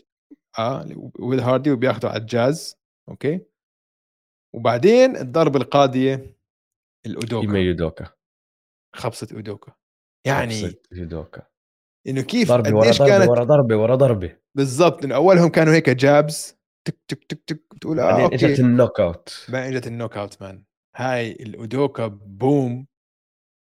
لهلأ هلأ عنها بأول الحلقة و ماتزولا ماتزولا ماتزولا ولا ماتزولا؟ ماتزولا أظن تنلفظ اللي هو المدرب اللي هلا أخذ آه، المنصب تبع المدرب الرئيسي.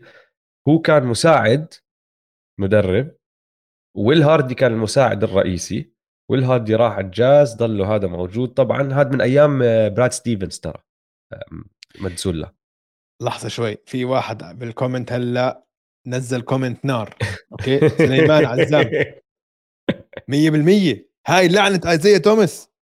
100% أنا ما كيف ما ربطتها؟ والله يا سليمان ملك. ملك مخرج. أعطينا بالله مكملة مكملة مكملة لسه. بقول لك man اسمع كل التساؤلات عن السلتكس مش ضروري مش ضروري إن نصعب الأمور. كل التساؤلات عن هم كيف؟ ترى أنا دويس علق عندي يا جماعة فراح أكمل لحالي ليرجع كل التساؤلات عن السلتكس عن شخصيتهم وكيف راح يتأثروا من كل شيء عم بصير يعني جيلن براون كيف تأثر من الدراما وإنه اسمه انزت بال trade rumors وكل هالأمور هاي؟ هذا السؤال واحد. بعدين عندك آه، أودوكا. ودوكا كان جزء كتير كتير كتير كبير من شخصية هذا الفريق.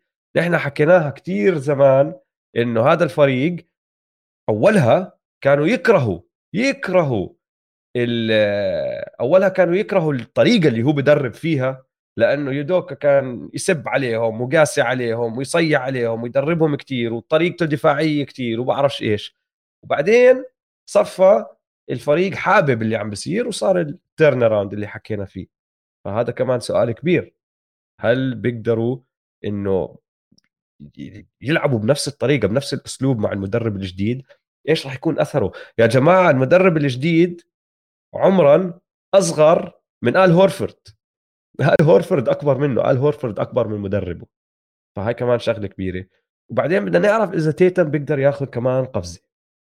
لأنه تيتم أكيد أخذ قفزة بس أخذ قفزة وزي ما نحكي ضرب بالحيط من فوق شوي إنه رجع نزل كمان فترة.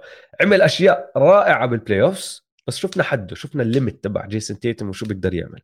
طيب بيقدر ياخذ كمان قفزة ولا لا؟ هدول التساؤلات الكبيرة ومش عارفين شو راح يصير فيها مع ال مع آه. ال مع السلتكس إيه هلا دويس رجعت؟ هلا. آه رجعت رجعت. تمام.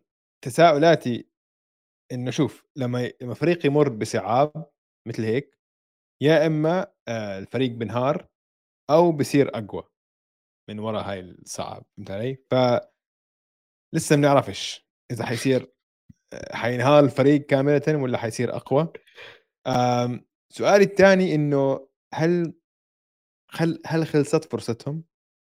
لا ما خلصت. اي ما خلصت ما خلصت. ما خلصت أنا عم بحكي لك ما خلصت. عندهم بس, اللعنة اسمع أنا كيف اللعنة موجود اللعنة ترى أنت ما ذكرت شغلة هلأ تذكرتها. أنت في آه. شيء كمان بدك تزيده على اللعنة ما ذكرناه. وهو. روبرت ويليامز مصاب. روبرت آه ويليامز ممكن ما نشوفه من هون لشهر 12 في احتمالية ما يلعب ولا جيم لشهر 12 ممكن حتى شهر واحد. نفس الركبة اللي عمل عليها عمليات. يا. ففي كثير تساؤلات عن, عن هذا الفريق. بصير بس أعلق على الجماعة الرائعين جيش مان تمان. هلا عم بطلع على التعليقات لما طلعت أنت من الشاشة للي عم بسمعنا أو بيحضرنا ثاني يوم دويس علق على الشاشة وبعدين اختفى مرة واحدة كملت أنا لحالي. وهلأ عم بلاحق على على التعليقات. لعنة أيزيا وصلت دويس. بعدين اللعنة لحقت دويس.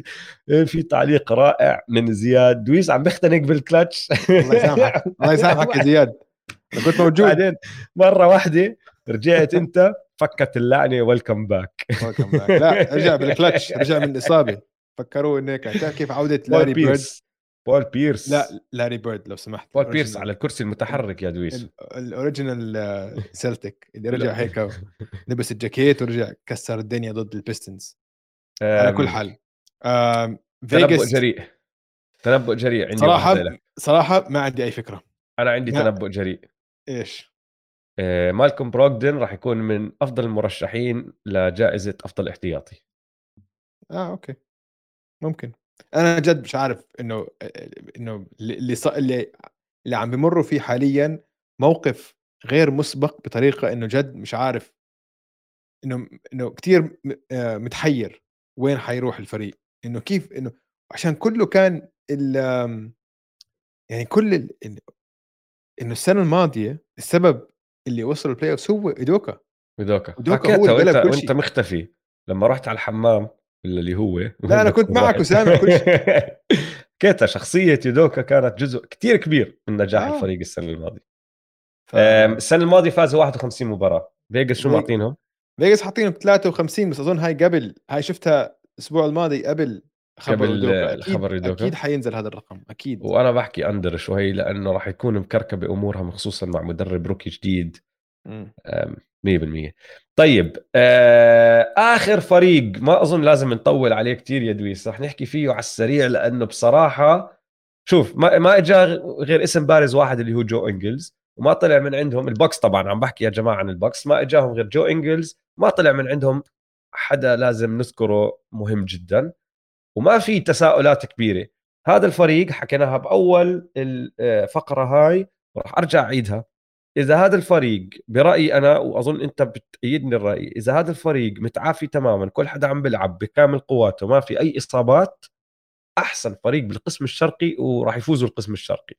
وإذا بدك تقعد تدقق وتطلع تدقق وتطلع مواضيع هون هناك عشان إنه تشكك بالناس فيهم تقدر تحكي طيب ال backup point guard جورج هيل في ثقة فيه هل جريسن آلن منيح بمركز starting point guard يعني يانس راح يطلع يتعب بعد اليورو. بصراحة اسئله نعم. تافهة لأنه جريسون آلن لعب منيح السنة الماضية وأثبت حاله. جورج هيل ك backup point guard ما عليه حكي ويانس ما بتعب. آه أنا بقول مش بس هيك. تعب بصراحة game 7 السنة الماضية. هلأ عم بفكر فيها. آه بس, بس يعني تعب بعد مجهود جبار جدا. قديش كان معدل؟ بالسلسلة هذيك 34 نقطة ولا شيء هيك. وخمسة والدفاع تبع هورفورد وجرانت ويليامز كل السلتكس. كلهم كل كانوا السلتكس عليه. آه. لا. بس يعني ما راح يتعب من بعد اليورو. هذا هو اللي بدي ما اوصل حيتعب آه بتفق معك هو المرشح الأول. مش بس على المنطقة الشرقية بعتقد في ال في ال NBA كله. آه إذا ما في إصابات هم البطل بالنسبة لي آه يانس كريس ميدلتون جو هوليدي بروك لوبيز بوبي بورتس يعني starting five مخيف وبيلعبوا مختلفين عن أي لا أي فريق تاني بيقدروا يدافعوا بيقدروا وبروك لوبيز راح يلعب. الموسم كله هاي السنة السنة الماضية آه،. بأول مباراة آه وإنجلز ترى إضافة ممتازة آه إنجلز إنجلز يعني بس لسه لسه ما بنعرف إمتى راح يرجع ترى يعني رح آه، يرجع وقت ال playoffs بس راح يكون وقت أول موسم الله، who cares. آلن آه، جريسون آلن بحبه كلاعب محارب بات كوناتن. جيد كمان بسلخ ثلاثيات آه وسخ بس آه. آلن فأنا باعتقادي هدول هم المرشح الأول على البطولة كلها كمان طبعا ما عندي أي. تنبؤات جريئة وما راح. أحكي مين المرشح الأول على البطولة كلها لأنه لسه بدي أحكي بالغرب وبعدين لما نعطي قائمة المنافسين بحكي لك مين مين المرشح من طرفي بس بالقسم الشرقي بدون أي شك أنا حاطط هدول ب level وبعدين كل حدا تاني ب level. تاني. السنة الماضية كان عدد الانتصارات اللي فازوها 51 فيجاس معطينهم إيش؟ 52 ونص. أعلى شوي. بس أظن over عشان over بروك لوبيز موجود من أول موسم. ما. حلو. طيب حلو. أوف طويل حلقة اليوم. تسع فرق يا دويس. آه. انتهينا. طيب إن شاء الله عجبتكم حلقة اليوم. يا جماعة اللي عم يحضرونا live شكرا لكم ولمتابعتكم ولدعمكم ولأسئلتكم. إن شاء الله عجبتكم الحلقة. لا تنسوا تتابعونا على رجالكم بالكلتش. لا تنسوا تتابعونا على مواقع التواصل الاجتماعي at m2m underscore pod. وتابعوا حسابات استوديو الجمهور استوديو الجمهور يلا سلام. يلا سلام.